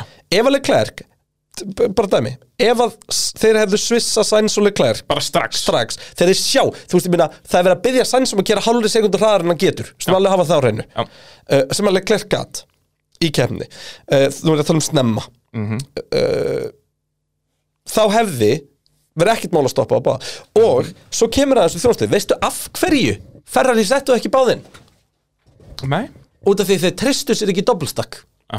veistu hvað langt á milli er það? voru ekki alveg fjórar eða? 4,2? Sem er bara leikandi eða akkurat það sem þú þarft fyrir dobbelstang Já, Það tekur þið 2,8 og veistu kannski sko. hvað Sainz gerir svo líka hann bara hægir á sér og Hamilton á leið, á, þú veist, bara tapaðu þremur sekundum á leið klærk á þessum innring því að þú færðar kortið tilbaka á baku öryggisbílinn og, þú- og þú veist, ef einhver er að fara að engu máli. sleppa því að fara inn þá missar hann kortið eða fram úr þér en þá ert þú á nýjum mjúkundekkjum og leið klærk á nýjum mjúkundekkjum hefði pakkað þessari kefni og meira að segja ef við höfum snúið dæminu við og Leclerc hefði farið á mjúkudekkin Sainz hefði þá haldið áfram Þú veist, Ferrari var með tvo fokkin bíla þarna Já. en þeir kasta Leclerc undir útuna já. Bara út af því að Sainz var svona þarna í samlokunin á milli, skiluru og það var svo Bara- margt heimskulegt þarna Jep. þú veist, eins og segi, í keppninni taktu ákvörðin, gæðnin er ekki að berjast bílinn sem er hraðar er fyrir framann ef þú vilt síðan fá einhver Og ákveðin þú veist alveg að Leclerc er hraðar er bara alveg Ég saman líka bara, ef þú vilt fá einhver ákveðin úrslit þá svissar þeim bara í endan Já. en aldrei láta liðsfélaga nema þetta sé bara, þú veist Mercedes árið 2015 Já. eða 16, hæja á hverjum öðrum Það er bara svo leiðis það er bara, þú veist, og þeir eru ekki að tapa sekundubrótaði Nei, og þá bara planað, bara heyrðu ef við þurfum að skipta þá gerum við hér á brautinu við gerum að svona, já, punktur Vera búin að plana það fyrirfram Já, bara, bara- Þannig að þegar orðið bara kemur, Carlos, hörðu, skiptum ha- þegar orðinni kemur þá bremsar þú 15 metrum fyrr inn í Og gefur sjöttu honum beygju, innri skilurðu. línu, eða gefur honum Akkurat. ytri línu, bara Og- þannig að þetta sé og bara- alveg svart og svo á bara hvítu. passar að þú settir DRS-inu upp hérna hangarstreit og við töfum engu á þessu Þá kemur þetta út á gefur núli honum inn, hérna, innri línuna í gegnum hérna Bara hægri chapel eða beiguna, eitthvað? já, tjapul, akkurat og þá eru þið bara, þá eldir hann ekki ennum kops og Magnus og Beckett og heldur DRS-inu og þú reynir bara að hangi honum, þú ert hægari Já. og þú bara reynir að græða mikið tíma og hægt er ekki flókimál Nei, en þetta er Ferrari alveg- ah. en sko talandi um þessu ákvörðin þú veist það er alltaf hægt að segja eftir að bara hérna þetta var mistök og eitthvað kannski erfitt að segja þetta fyrirfram en allan tíma þegar þú ert með tvo fremstu bílana þarna settu það báða enn á mjúkudekkin þá hafði Hamilton sennilega tekið sensin og verið með track position Já, já. eða það hafði allan verið svona vestamartröð Ferrari að segja nei, heyrðu, þá miss, út að þeir eru bara mist Hamilton fram úr sér Já. Mhm. þá var það langt aftan í Peres mm -hmm. en í staðin eru þau að setja alla bíluna sinni í hættu á móti Peres, Hamilton, Alonso Norris, þú veist Norris á mjúkundekkjum var auðvitað hraðanilega klerk sko, já og Alonso var hvað hann endaði 0,4 á eftir honum í gjössalega veist, hvar endaði klerk, fjórði já. og bara Alonso bara vel alveg í gert. skottinu á honum Já, bara vel gert að ná Að ná hang- allavega hanga hann fjórða, Alonso. já, og, nákvæmlega. þú veist, og það, ég ætla ekki að taka neitt alveg klart djúvill var hann geggjaður í þessum vartanvæksti Já, það er það, það er nefnilega máli. svo Hefði hann- ósangent að hann lappi út úr þessu ekki að pallið sko. Já, en ég meina, hefði hann verið bara eðlilegur í þessum varnarakstri og hefði tapað þessu tiltölulega fljótt eins og hann átt að gera þá það er hefði- sæns jafnvel tapað sérunum Já, og uh, Alonso hefði sennilega komist fram úr honum að lokum líka og jafnvel Norris bara líka algjörlega að hérna, þannig að, að algjörlega glórulaust, en þarna er Og mitt í- máli þú að veist, en- Ferrari hljóta að geta séð það, ok, í vestafalli hefði öryggisbílinn verið úti í fimm ringi og þeir hefði átt sjö ringi eftir sem endaði á að vera alveg tíu ringir eða en eitthvað að- að að segja hvað ég held ég held að Leclerc fyrir að fara frá ferri Ætla hann sér að vera heimfinstari það er sem ég er að segja og Leclerc er heimsmyndar efni Já, 100% gæin er gjössamlega styrlaðar að kjæra kapparspil og þetta tímabil þú veist, ég hef alltaf sagt að Leclerc er ógæðislega fljótur en þetta tímabil, gæin er búin að vera geggjaður Já. hann er búin að vera geggjaður þú veist, Þetta þú veist, bara- bara... heldur ekki gleyma að gæin sem er á betri bílinn hann sem hann er að berjast í heimsumtunumótinu er mögulega besti aukumæður sem við höfum séð mm -hmm. Leclerc er geggjaður aukumæður sko. Mhm. Jep. og, hann er, og, þú veist, og þeir eru bara equal, on equal ground þarna, sko. Ferrari eru næstum því að gera það núna sem að McLaren gerði 2012 með að vera, nema þá voru McLaren með besta bílinn og klúðraði öllu Ferrari eru núna sennilega með næst besta bílinn en eru að klúðra öllu líka já og að takast einhvern veginn að klúra því svona svakalega sko, Þú veist eins og Monaco, hvað minn góður Já og við slum ekki gleyma því að sko Red Bull eru búin að vera bíla og þú veist, þetta, þetta, er- hvað er þetta, fjórða keppnin sem að þetta er þriðja keppnin sem að Max er í einhverju vesenni og það dettur út tvisvar og svo er hann í Ástralía, vesenni hérna Bahrein, og vesen enn og hér. aftur, nei, byrju, hvar var það sem að Já, í Monaco til dæmis Já, var hérna Max í vesinni já bara vantaði hraða Já, og bara track position í, í, í þýrun og mm Þú veist, aftur þar er Leclerc bara tekin bara ósmurt með hérna, með kemminsallun yep. Þú veist, Já, og sent í rauninni Eða svona En næstum því. samtalið hann eftir og var klálega bara að leggja línunar og, og sko enda að sjá þú veist, það er tekið mynd beint eftir hérna, það er tekið hópmynd alltaf fyrst Sigur Karlás og eitthvað svona dót með skiltir og hvernig og svo til mynd af Leclerc sem er tekin bara um leiðu að búa dagana Já. og sko þú veist, það, það er eins og sé ekki sáli sem líka maður sko Já. Já, þú sér það að, að Verstappen basically átti að fá 0 stíðu í þessari keppni Hann var bara geggjaður að ná að krækja sér í Já, einhver Leclerc stig. átti að taka 20, 20 stig á honum, segjum það bara Já, Ish. ef ekki 25 sko Og hann endar á hvað, græða 6 Já, Þú veist, þetta er bara vitleisa sko en er græða 6 á hann? Já, hann tekur 6 á hann Já, græða hann ekki 6, Jú. ég held það Jú, hann fer Þetta 12 eru- þetta eru 12 og 6 á móti 6 Og hérna, en þetta með að Ferrari get ekki átta Fyrr- sig á að, get ekki átta sig á því að, að þeir koma báðir inn og í vestafalli missa þeir Hamilton fram úr sér en Í versta falli verður þá missaði á Hamilton hörðum fram úr dekkjum. sænslíkuði sko Nei, nei, Hamilton hafi farið fram úr þeim báðum og, og En á hörðum dekkjum, þú veist, hvernig geta þær ekki séð að þær fljúa fram úr honum þó að það hefði galið. bara verið sjörhingir eftir sko. Bara gæli, en spáði því, Hamilton tekur bara sitt pitstop bara einhverjum þremur ringum fyrir örgspil yep. Þreymur hingjum lengur og hann Ef að hafði dekkin pakkað hefði þessari verið í fínum málum Já, hann hefði, já, ég veist, hann hefði allavega verið fremstur í endurreysingunni Já Og uh, Því hann var alveg frábær í þessari kemni Það var ekki tekið á hann alla helgina Já, tölum við mitt um bara Mercedes sem eru í þriðasætti heimsumstaramótinu komin yfir 200 stig á múrin með 204 stig sem er þá, já hvað eru Ferrari með 265, þeir eru 61 stigi á eftir uh, George Russell, datt úr leik fyrsta DNF-ið sem að eh, Mercedes fá á þessu keppnistímabili Sturlað og Russell þá í fyrsta skipti ekki í topp 5 á þessu tímabili, nú hefur engin ökumar verið í topp 5 í öllum keppnum tímabilsis Nei, er ekki bara Hamilton sem er búinn að klára í stigum alla kemnir, ég held það Nei, ekki í múla, hann var hann 13 Já, er, hann er þó eini sem er búinn að klára alla kemnir Það er það þannig Já, það er allir búin að detta út allavega einu sinni Og Mercedes náttúrulega búin að vera geðveitir í lagæbúl Þó Já, að sem er svo bílinn þeirra styrkt, hefur sko. hossast langt mest sko. Já, og ekkert bara hossast, hann er bara berjast Já, já En uh, þjóðverinn kann þetta, það er bara svo leiðis uh, Russell, aðra keppni í röð var bara áttundi tímatökum Þó að var auðvelt að skrifa þá hann að ranga ákverðin í, í Kanada en, en nú var hann bara áttundi hraðastur Já, ég minna, þú veist, ætlar eitthvað að fara að dissa eitthvað fyrir að vera aðeins hægar en Hamilton í rigningu á Silverstone eða? Nei, alls ekki en þú veist, Get, hann- eh, getur, getur búið til aðstæður sem ætti að vera betri fyrir Hamilton Já, nákvæmlega, nákvæmlega En En ég hérna, hugsa að en í Russell hafi nú alveg staðin verið svektur með að hafa Alonso og Norris fyrir fram að sig sko. Já, 100% En í staðin ætla ég að bara fá að henda því hann inn að, að hérna að uh, ég myndi segja að 15 seti tímandökum að vera mikil vombrið fyrir Hamilton Hann sagði það sjálfur og því að við náttúrulega vorum að horfa á bíl sem var mögulega að berjast um svona þriðja sæti á ráslinu Og þetta var fyrsta keppnin tímabilsins þar sem að Mercedes síndu það að þeir áttu möguleika á sýri. Já, förum í gegnum það þessu eftir hérna, uppfæslun á bílnum, en það komur náttúrulega hellinga af uppfæslum Mhm. Mercedes segja slóksins bara skilja bílinn og þú veist, það sem að ég les út í því er að þá, þá er væntanlega loksins erum við að fara að sjá þá byrja á þessari þróun, þú veist, þeir eru að byrja núna hvað fjórum tók tíu mánuðum keppnir, setna, sko. eða þrem mánuðum setna heldur en allir hinnir Já, Þannig að- fyrir vikið er þetta tímabil búið hjá þeim, skilur Algjörlega, algjörlega. En þeir geta þá núna farið að beða sem segir þú En veist, ég held... delta þeirra á Silveston var 0,6 hægari heldur en Red Bull Já, já og eiginlega bara hægur en Max Verstappen, hann er bara í annari deild. En þú veist, já, það eiga var svona, Sainz í þá er ég Perez. að tala um optimum pace sko, ekki, ekki kefnisraða Já. En Red Bullin er ennþá klálega með yfirhöndina Já. Mhm. og virðist bara með, vera með yfirhöndina eiginlega allstar mm. Red Bullin er basically hans alveg eins og bensin, hérna, dominant bensin Já. Hann er bara betri, þú veist, hann er ekkert endilega bestur allstaðar en hann er aldrei minna, meira, eða þú veist, lélega en næst bestur Já. í einhverju og þá er ég að tala um há- háhraða, láhraða, beinigablar og bestur í suma þessu sko Mhm. um, þú veist, og það var nákvæmlega sem bensin hafði það var engan veikleika að finna og ég veit ekki, getur þú bent mér á veikleika á Red Bull?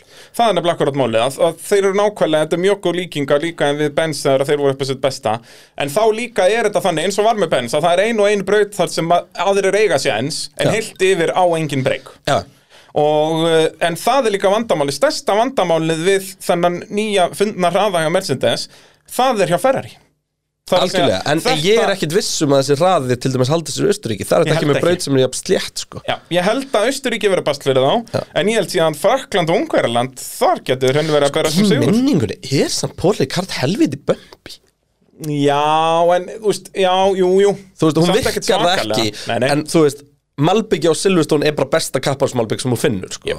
fyrir en, utan núna fyrstu beðina Þú búin að sjá myndirnar? já, við tölum um það Skurður í fyrstu beðina galið sko. Ruggladæmi, sko En hérna, já, Benz eru bara mættir eða, já, við höldum það Andri Snær spyr, var ekki talað um ástæðan þess að Russell fengi ekki að keppa væri það að hann hafi drepið á bílnum og farið úr honum hefði hann ekki stoppað því á tjá og haldið áfram inn í pitt að hann þá fengið að halda áfram Já. hann hefði 100% fengið það og þú veist, Margrét Átna eh, spyr hérna, þú veist, eða segir já, Russell hækkaði mikið álitið hjá sér við að hlaupa á aðtóa með, Joe- eh, með Joe og Albon uh, veist, ég er pínu ósamalega þessu nei, Þú veist, maður þetta getur er ekki hitt verið og það. cool Þetta er mannlegt, þegar þú sér bíl krassa svona Nei, þú þetta, er vilt bara nefnilega, hlaupa þetta er nefnilega meira en mannlegt þetta, þetta er, þú veist það voru fullt af öðrum ykkur munum annað líka sko. út Það hljóp enginn út Nei, ég er að segja, þú sem hefur getað hlaupið út, skilur við Russell náttúrulega bara gefið við, hann er stopp og sér að bílinni komið fyrir aftan dekkjaveikinu og allt hann og það var ekki, þú veist það var svolítið í marsjáluna hana Já, já. og hérna, en tókst þið þetta var dekkjaveikur Já, ég sá það maður sá það bara á myndunum af Russell og á honum Ég vissi ekki að Silveston var ennþá í, í gamla skólanum hann en hérna, en uh, þú veist ég þú veist, ég, ég veit þetta er rétt sem að þú ert að segja Já en ég er bara ekki til í að kuttir það Nei, og þetta er Þegar ekki ég- ágæslega töff Þetta Algjörlega. var ó- Russell bara því líka hetjan skiluru En ef allir ökumum byrja að gera þetta þá drefst svo einn ökum ára ári sko. Já, já. En þarna náttúrulega komur auðflag og allir bílunni konum fram hjá Þannig að þú veist, Já, hann já, veit en það bara alveg. ef að þetta ég, Og auðvitað, hann átta sig á því að þetta er alveg öru En málið er það, En ég bara er svona málið er að- típa sem að sé, þú veist, andarung út í vegkanti og ég bomba bara til kant og hleyp út á reddunum, skilur Og þetta, það var geggjað að horfa á þetta og myndirnar sem eru til á honum hann upp á dekkjavegnum, þú veist Fyrir þetta er utan að mega hann kemur hipp hann upp og ég verð ekki hugmyndu hvað hann á að gera cool. Nei, nei, en þú veist Já, eins og sé, ef allir ökumenn myndu gera þetta þá verði keift reglulega á ökumenn Öruglega, Það er bara svo leys, þetta Og er bara þeir hérna- eiga ekki að gera þetta Algjörlega, algjörlega Og ég, mástu, ég er með þess að dissu aukumenn fyrir bara, þú veist, þeir krassa bílunum sinum og mér finnst það alltaf fljótar ykkur ætla að koma sér út úr honum Já, þú veist, og bara losa beltin Já. sennilega um, en allavega, uh, Russell hefði alveg já, örgulega geta gert það en ég held samt að hann hefði eh, bara fallið aftur því að þú veist, bílinn, þetta var djúfisins höggabílinn og það er eitt að geta skipt um einhverja spynnu, en ég meina við sáum eitthvað drasl festast í bílum hjá Max og hann var ókerandi þú veist, en gólfið það er hlýtur að samt- slípast helvítir hessilega hana á hringnum inn Á hringnum minn, já Þú veist, ef, ef hann bara hreinlega næri þessu þú veist, Já. ég, þú veist, Það er það, góður það, punktur. það munurinn til minns á þegar að Hamilton klárar á þremur þá var barðin ennþá á dekkinu Já.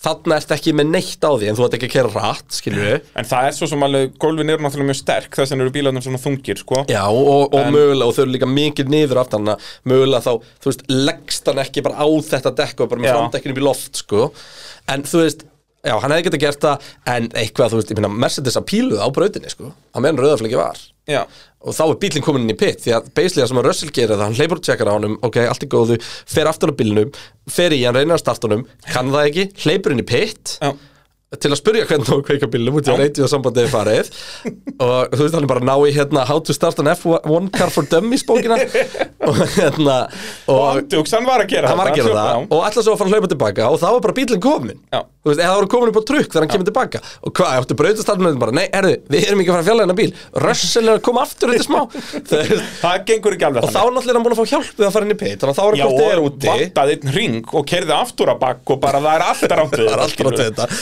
þannig að hérna Þetta, þetta átti aldrei að virka og, Nei. og ég meina, þú veist, hann er náttúrulega valdur að þessu slisi líka, sem ekki gleyma það, sko. Þú veist, ég er ekki Já, að kenna honum um ég- það eitthvað, að hann er að fá punkt fyrir það, Nei. en hann er valdur að það. Ég vil segja samt að mesti valdurinn sem Gastli, sko Nei, Gastli fer inn í bil sem þetta er staðar Já, en svo það sem í hverfur það. raun og veru Já. gerist er að út af því að Gastli sér að bil er að hverfa hann hægir á sér og seint sem að þýðir að höggi verið miklu meira hjá Russell En það er náttúrulega svo að það sé alveg á hreinu að það var enginn að gera neitt refsivertan Nei, nei, nei, nei, nei, þetta er bara 100% kapphásætning Og við Þetta er tölum um bara- þetta er bara með ógeðslega sko. Stærsta afleggingar ákvörðunin, neða, stærsta ástæði fyrir því þetta gerist er vegna þess að ræsingarnar voru svo mismunandi Bara helmingurinn af ökumunum náðu geggjara ræsingu og hinn er náðu geðveitt liðleir En við erum komin að hættilega slóður þetta hérna, því að ég lofa þær að ég myndi ekki tala um krassi fyrir nú kemur Alfa Romeo og Já. eh, núna langar mér að fara að tala um af hverju bílinn flippaði okkar því ég skil það ekki ennþá en við tölum um það betur á eftir ja. til, hafðu einhver áhyggjur af því Eh, Mér langar hins vegar Bræði Þorðarsson eh, er með eina spurningu Á mig? Hvar hafði, já bara út af það spurðingin annar aðeins og þá vil ég spurja þessu uh, Hvar hafði Russell endað hefði hann bara ræst aftastur í endurræsingunum með bíl í lægi? um, Hann hafði verið í topp 5 held ég Ég hafði hann ekki bara verið næstu, hafði hann ekki bara verið í þessum pakka þarna og svo bara spurning hvernig hann með gengið í slagnum með, hann með hafði þeim hann. verið komin fram úr Alonso sko, bara alveg eins og Peres hann hafði bara eld Peres í gegnum pakkan Já, ég held að keppnisraðin hafi verið það mikil. Sko, Peres, það fór ekkert, við sáum ekkert af Nei, Peres enda, fram. hann var alveg tildulega heppin með náttúrulega bæði hvað það eru þá fáir bílar á brautinni Ég er að velta fyrir mig, var hann búinn að stoppa, var hann komin upp í, hvað, hann er 50 endur þessu kunni? Nei, hann er Fjórði. fjórði. Var hann komin upp í fjórðasæti fyrir öryggispilin? Eða Já, stoppar já. hann bara, þú veist, fekk hann frí pitstop? Það er það sem ég velta fyrir mér, sko. Já, hann, fekk, hann var komin 15 sekundum á undan Alonso þegar örgisbílinn komin út sko Já, okay, var þannig að hann alveg var bara búinn kominn að langt vinna á þessu upp og þetta. var, hann var nýbúinn að stoppa, þú veist, eins og allir hinn, eða þú veist, Já, já, stoppaði bara já, sinu. bara hann var bara búin að vinna sig upp pakkan Ég, ég bara fylgdist ekkert með Peris í keppninni, einhvern veginn. Nei, nei, hann fór ekki mikið fyrir honum, hann var bara allt í unum mættur Það var bara allt í einu mættur, en það var alltaf út í að var alltaf eitthvað aksjón annar staðar Algjörlega, algjörlega, en Þannig hann að bara þá- vann sig En það var ekki það mikið af einhverjum framúræftum Hann var bara tildulega heppin með það Já, bara hann gerði vel í byrjun maður. Algjörlega, algjörlega Var- og- Var hann og ekki vann sig komin inn í gegnum. topp 10 bara um leið eða? Jú, eiginlega, Og svo var eiginlega. hann bara pikkað upp einn og einn Ég, Það er, það er svolítið svo leins uh, Páll Andrés ég spyr- hugsa að Russell hefði alveg getað gert eitthvað svipað En ég hugsa hann hefði alltaf verið fyrir aftan Peres Já, ég hugsa að hann hafi endað eh, Eða þú veist, maður veit síðan ekki með káasið á lokarhingjónum Já, það er þetta bara spurningu hvar, hún- hvar hún lendir í hverjum fæt Já, sko. en fyrir öryggisbílinn uh, uh, að, já, eða þegar öryggisbílinn kemur út hafði hann verið 50, staðfest Við glemdu líka nefna það sko, þessi double framröstur þarna hjá Hamilton að hann les þetta svo vel sko. þú veist, hann sér sko hann sér hvað er að gerast hjá hinum bremsar ekstra snemma fyrir setna sér keinið, tekur þrönga línu og er komin í gjössanlega kvínandi bótt sko fyrir Apexið Já. og Út að þetta er, hann sér bara, hann- hann sér þetta fyrir síkeinið hvað er að fara að gerast hann sko. þetta er, þetta er Þetta er reynslan sko, þetta, þetta, er þetta, þetta er þetta svona six sense í kapastri sko Já, maður tekur eftir í sérstaklega þegar hann er að bremsa inn í veil síkeinu og þeir eru hlið við hlið fyrir framann hann, hann bremsa bara ekstra snemma Veist, þetta er hann svona svo- ætlar að nýta sér Þetta er, svona, tækifæri þetta er beislega sama og maður gerir, þú veist, í- maður er að keira kannski á netinu og það, maður sér að það er einhver sem er svona heldur graður á, fyrir aftamann og maður veit alveg hvað er að fara að gerast leifur honum bara að taka dífun og fara vítt og Já, fer þú inn undir, sko. bremsar bara snemma og þótt að tekur ég hann. hef verið fyrir framann skilur þannig að hérna að, Þetta er, uh, hann, hef, hann var ekki að byrja þennan leik Nei. Hvað er þetta að segja það, hvað var Ó, þetta? nei. 13. velunapallurinn á svo Silveston já, Þú veist hvað, hann hefur Það er bara met. keppt þarna Það verður enginn- 15 það verður enginn náð Nei, ég menna fleiri það bara það að verðlaunapallmeistrar. keppa í 13 árið stórmagna, sko Og hvað þá að vera velunapalli alltaf í heimakefninni herru, ég er að fatta eitt við erum út að skýta hérna Hafur ykkur verið í því? við Ekki glemdum eru að inn að undirbúa býttimarkaðin Herru, já, auðvitað, far þú að vesa nætti því nei, nei, nei, við, við erum ekki að vera vesnast í því núna við, verðum, í- við þurfum eiginlega Erum við ekki með eitthvað, eh, er þetta svo mikið út um allt? Getum við ekki farið yfir þetta? við þurfum að koma þessu í eitthvað svona dæmi sko. Við tölum um þetta hérna á, á eftir eftir, eftir þurfum búin að fara yfir liðin Skrifað, skrifað inn í skjali eitthvað staðar bítimarkaður þannig að við munum það á eftir já, undan spátumskefni Bara bing, bara búm. Uh, Páll Andrés spyr, eru Mercedes komni tilbaka eða var þetta bara Lewis Hamilton að vera góður á Silveston eins og alltaf? Uh, nei, ég held að Þetta er Mercedes blanda eru komni báðu Þetta tilbaka. er blanda báðu Já, auðvitað, ég minna Hamilton var ekki En ekki. Mercedesin var bara með mjög góðan hraða og Russell síndi keppnisraðan í æfingum sko um, En það spilar inn í hversu, hversu sko slétt og góð Silvestonbrautin er Já, ég held að Mercedes verða svolítið mikið upp og niður, sko, það verða En sumabreytir svo og sem er verða bara áhugavert. fastir í þriðja, sko. Já, en svo er áhört núna að þegar Paul Ricard dæmi kemur inn, það er að segja þessar nýju reglu og fíja að, að eitt sem við tölum ekki um er að, er að sem sagt, flexi floor er nýja, verður nýja buzzwordið í Formule 1 Já. og uh, það er, þú veist, ég, ég, ég svona um leið þetta kom upp þá svona hugsaði ég strax til Red Bull sko Mhm. mm. það er rosa eitri að njúi legt að vera búin að finna leið til að gólfið bara innsigli sig sko Já, en bara hérna sjálfum sér. en, Eins og við eh, sjáum alveg í gegnum hárfræðan degjötnar að gólfið er alveg í jörðinni. Já. Það er basically bara búið að búa til svona uh, sílsa eins og var Já. hérna inn í 70s.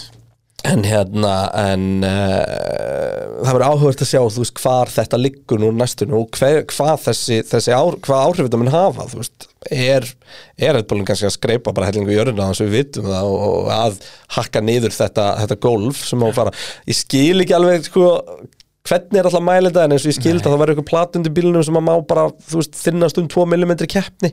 Já. En þú veist, En það er þá bara, alltaf hægt að refsa bara eftir á já, já, já, já. en- og það verður þannig, Já, skilur, já. en það er þannig með allt skrutinering Auðvitað. En hérna þetta, þetta verður bara, þú veist, er, er lítra bensin í bílnum, er uh, hérna, er uh, hann und, er næra þyngd þú veist, og þetta er bara eitt af því Já, algjörlega Og hérna og, og, en svo er náttúrulega mjög áhugavert þetta three strikes dæmi, sko Já, þú fær tvo sensa með þetta Það hérna, var þrjá sénsa. Nýju, nýju porposing dæmi það er Já, þrjá sensa. sénsa. Já, fyrir getur four strikes and you're out Já, Já.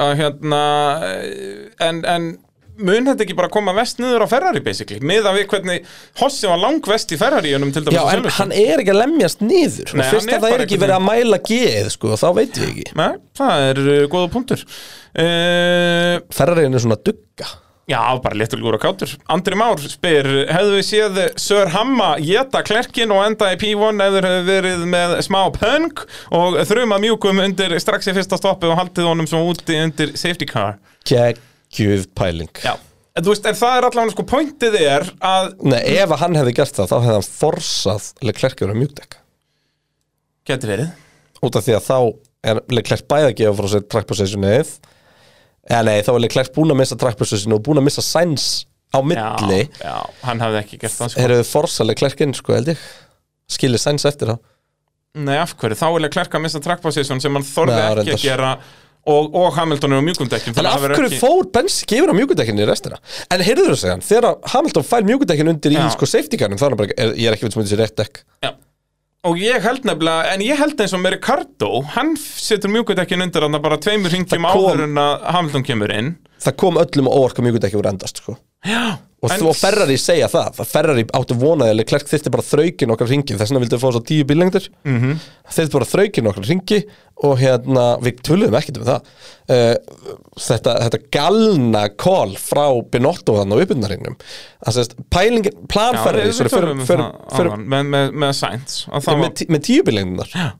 nei jú, eða sérst, jú, að halda áfram. allavega plani hjá Ferrari var sem sagt það að láta að þessar tíu píl- bíllengdir átt að dugulega klerk í tvo ringi til þess að ná vinsli hitt upp í hörðudekkinu og vera þá samkjöndshæfur þyrft að þrauka í fjóra-fimm ringi og þá var það best að fara um mjúkudekkinum hjá hinnum og hann var bara þælur það var raunur hann sem Ferrari vildi gera þetta bara er aldrei að fara að virka svona bæði kom það óvorka mjúkudekkjum voru öllu alveg bara fram á síðasta ring og þetta er náttúrulega bara insane að vera að byggja aukumanniðinum að búa til geðið mikið gap eitthvað í þessum Já, slag og þá er Sainz ekki með DRS, sko. Já, og í, já, nákvæmlega, Sainz er ekki um Það, með er, það DRS er aðaldæmið þarna, skilur, að hann þarf að fara að verjast án DRS. Hann hefði bara endað inn í þessum slag með, hérna, sem alveg klærk var í í raun og veru Uh, nema verið fremstu, verið að missa á fram og þurfti að reyna að fara aftur fram úr og þetta, þú veist, mögulega hefði fengið þetta stórkostlega slag bara fram á síðasta ring þá sem Já, en málið er þarna alveg líka. klærk hefði alltaf verið að færast aðeins nær og nær og nær og blandast inn í sko. Ég veit það, það hefur verið stjórna uh, En málið þarna er að liðið er að byggja sænt sem að uh, fall back basically a- að búa til bíl sem er teknilega sér banna en það mega vera bí, fimm, nei, tíu bílengdir Í endurins, sko, mega verið tíu bílindir Já, og hérna En málið er að hann hafði farið þarna og á einhvern tímapunkti hafði þetta farið í meir en tíu bílendir og þá hafði fíja verið mætt þarna bara ja, eins Út af og því að kallið og Puma. komið í útvarpið sko. þetta, Já. er ekki, þetta er ekki Bara um eitthvað svona leið og þetta fór í tíu og halva bíllengd hefði hann fengið refsingu Já. Út af það er búið að byggja hann um að gera þetta Þú veist, Þetta er ekki einhver mistök að hann er ekkert að missa sig að hitta dekkin og eitthvað, Nei, bara, nei. eitthvað utanvísi skilur Það er búið að byggja hann sérstaklega um þetta Og þannig að eins og ég segja, hefði þetta farið í tíu og Hann halva hefði bíllengd líka endað með restina af hópnum sko, snar geðveika fyrir aftan sig Já. ha, Þetta var bara eins glórulaust og það gerist, það er bara svo leiðis en já, talandi um spurninguna með andra hérna Mér Það finnst eru það góð- margar, góð pæling. margar mismunandi leiðir sem að messendis hefði geta farið til að vinna þessa keppni Já. Samt Eitt ekki af hægt að því segja var þetta til sé dæmis að eitthvað lenda ekki í- strategíu vittlust hjá Nei, þeim menn, eitt af því var til dæmis að taka ekki lélegt pitstop þegar Hamilton kom inn Nákvæmlega þá Mm, Það- hefði hann komið kostar út svakalega fyrir framann Sainz S- Já, allan fyrir framann Sainz En náttúrulega á kvöldudekjum hefði sennilega tapað sætinu En þá hafði hann bara verið sekunda eftir en ekki fimm sekundum á eftir Þannig að hann munaði alveg um það einmitt. Eh, þannig að, að eins og ég segi, bara dásamlegt að sjá Mercedes allavega að geta undi keppni að það er komið annað lið þarna en við náttúrulega værum ekki að tala um neitt að þessu hefði Vestappen ekki lent í bilunum og það Akkurat. Vestappen hafði alltaf bara verið 30 sekundum undan öllum sko. algjörlega Uh, Gunnar Björn spyr, eru margir ökuminn í gegnum tíðina sem að eiga kapla eða beigju nefnda eftir sér á meðan þeir eru ennþá að keppa og ég held að það er bara aldrei gæst það er náttúrulega Hamilton Það meini þarf kamlin oftast að drepast til þess að fá Já, bein, sko. Mm. bara eins og Jill Villeneuve brautin, skilur að það var bara, hún var endurneft bara mánuð eftir að hann dó Hefur einhver Ég held nefnilega ekki, það er náttúrulega rá, ráskablin á Silveston heitir Hamilton Það kablin eru líka ekkert svo margar beigjur nefndar eftir aukumunum sko. það er nefnilega máli Þú veist, þú ert með Senna S-in, þú ert með Ascari Villeneuve, Ætli Senna S-in hafi verið á Interlagos meðan hann var lifandi Já. Held ekki, og þó það gæti verið Nei, sannlega ekki Ég hugsa ekki, sko Sjúmakur var ekkert nefnd eftir sér það er nokkuð Nei, er það nokkuð?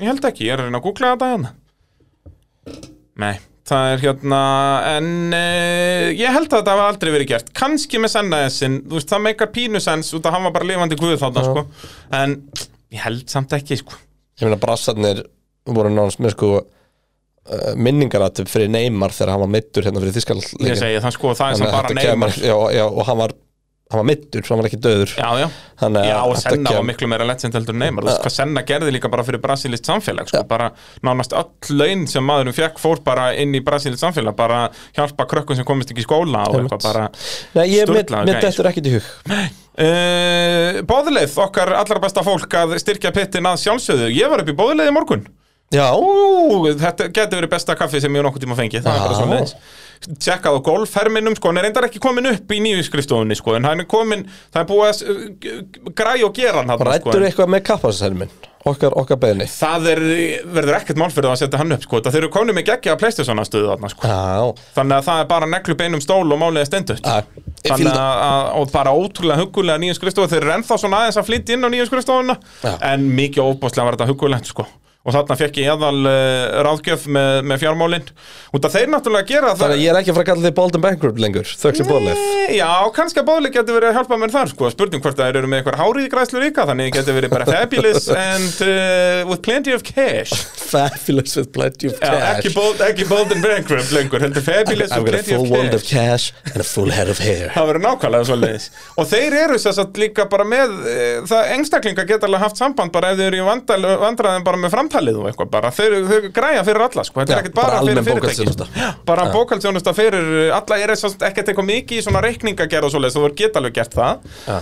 en aðalega bara svona ef þið vantar aðstóðust sérstaklega eins og fyrir svona einirkja og svona dótskilur þá er þetta algjör snilt að vita pínu hvað er í gangi og uh, þannig að ég mæli sérstaklega með bóðleið í, í öllu þessu og svo eru þeir náttúrulega með fyrir uh, fyrirtæki símkerfi og netþjónustu og, og alls konar tekniþjónustu í kringum það þannig að uh, allt upp á tíu hjá okkar fólki í bóðleið Uh, og við spyrjum alltaf uh, í bóði bóðleðar hver á besti ökumæður ekki í top 3 Ívar Máni var með spurningu hvað það varðar uh, er það ekki bara Mick Schumacher?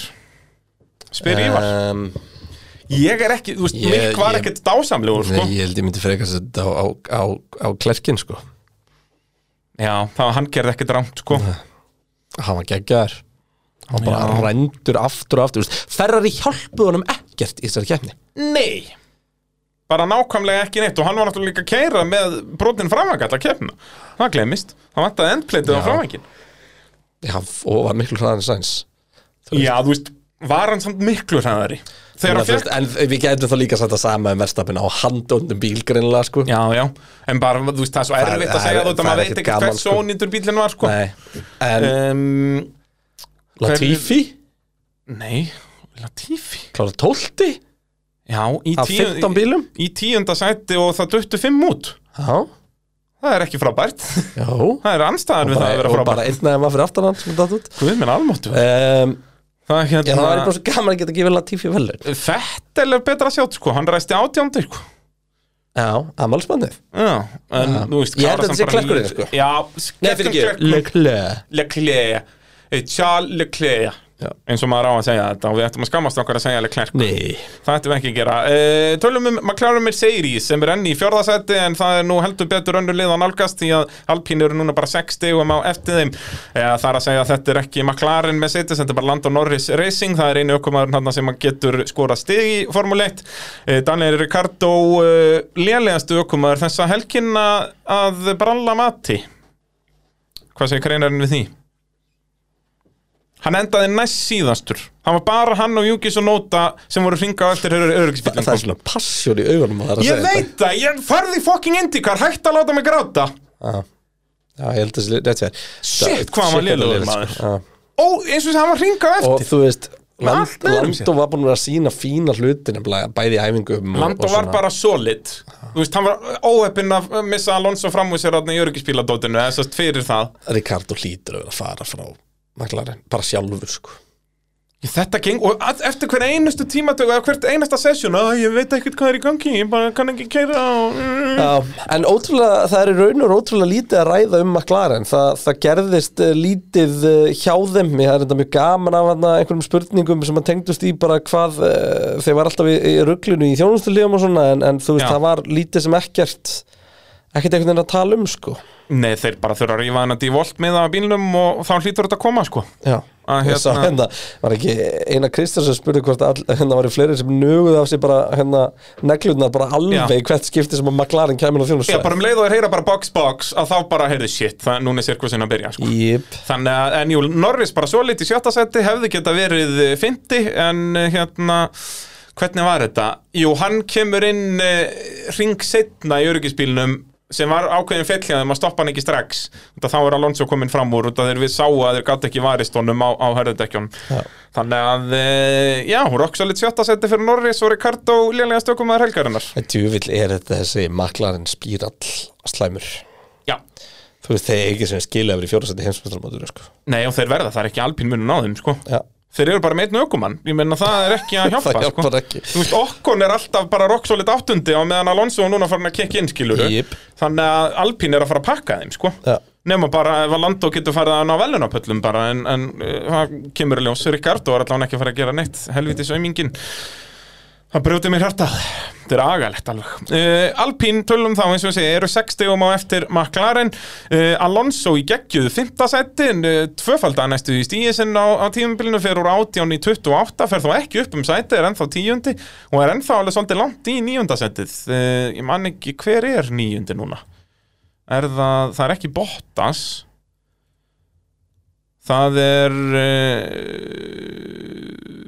Fettel, já, Fettel er í, í, í nei, nei, hann er 13. Ég man ekki hverju nýjundi. Skiptir ekki öllu máli. Uh, en Alonso bara heldur betur að, að kikkin núna og bara hættur að vera óheppin eins og hann var í byrjun tímumbil svo sannar það bara hvað hann getur og, og ég pakkaði okkur náttúrulega helgina okkur náttúrulega óheppin þarna lendir í þessu krassi þannig að hann ræsir uh, já, nánast aftastur eða það er náttúrulega dutt allir út í kringum hann hann resti bara, eh, var bara 15 í tímatökum alls ekki nú að góða Já. þar með viljensfélagan en uh, dettur svo út þarna og það er hann sem býr til hennan öryggisbíl já, var það ekki bara eitthvað vélabilun eða? Jú, það var eitthvað svoleiðis, ég held að sé ekki að þetta tengi þetta við höggið sjálft sko, heldur var þetta vél en ekki eitthvað, eitthvað dreifur á sig eða slíkt sem væri líklegt að, að beila uh, undir þeim kringumstæðum. Já, það er okkon sjálfur sem er nýjandi, hvernig læt ég. En þetta er í fyrsta skipta tímubilin sem hann dættur út. Hann hafði klárað allar keppnir fyrir þetta. já, rock solid og, og, og, Og bara hérna, hérna... tvisvarsinnum ekki í stegasetti, sko. Hann er búin að vera geggjaðar á þessu tímabili. Sko. einmitt. Uh, á meðan að Alonso uh, hefur dottið tvisasunum út og tvisasunum ekki verið í stegasendi en uh, núna já heldur betur að, að sína hvað hann getur og Alpín bara geggir kom með uppfæslur og litu bara strax vel út með þessar uppfæslur og ég meina Alonso vil meina bara, Alonso vildi meina að þetta veri besta helgin þeirra á tímabilinu já. Þannig að, eh, þú veist, hann talaði bara um að hraðin væri orðin það mikill í al alpínbílnum að, að honum liði bara vel núna með það að vera að fara að berjast, sko. og Alpín líta eins og ég segi bara geðið vel út og, og, og eru svona einna, við erum alltaf að tala um þetta einna fáum bílum í mittfildinu sem að virkar einhvern veginn allstaðar Já. þannig ég held að þeir síðan fara að ná þessu fjórðasæti sko, er að fara að taka það að maður klarin Ég held að sé alveg bara engin spurning, sko. Nei, það er Ekki að meðan þeir eru að að banka bara stig helgi eftir helgi líka Jep. og báði bílar yfirleitt. Já. Þannig að, þú veist, já, þeir eru, þeir eru alls ekkit eitthvað að gera þessi líklega til að fara að taka einhver stór stig. Og Nei, fá nei. einhver, þú veist, 30 stiga keppni eða eitthvað skilur en, en hérna, en uh, það er mjög solid að vera bara að taka bara, þú veist, 6 til 14 stig í hverju keppni. yep.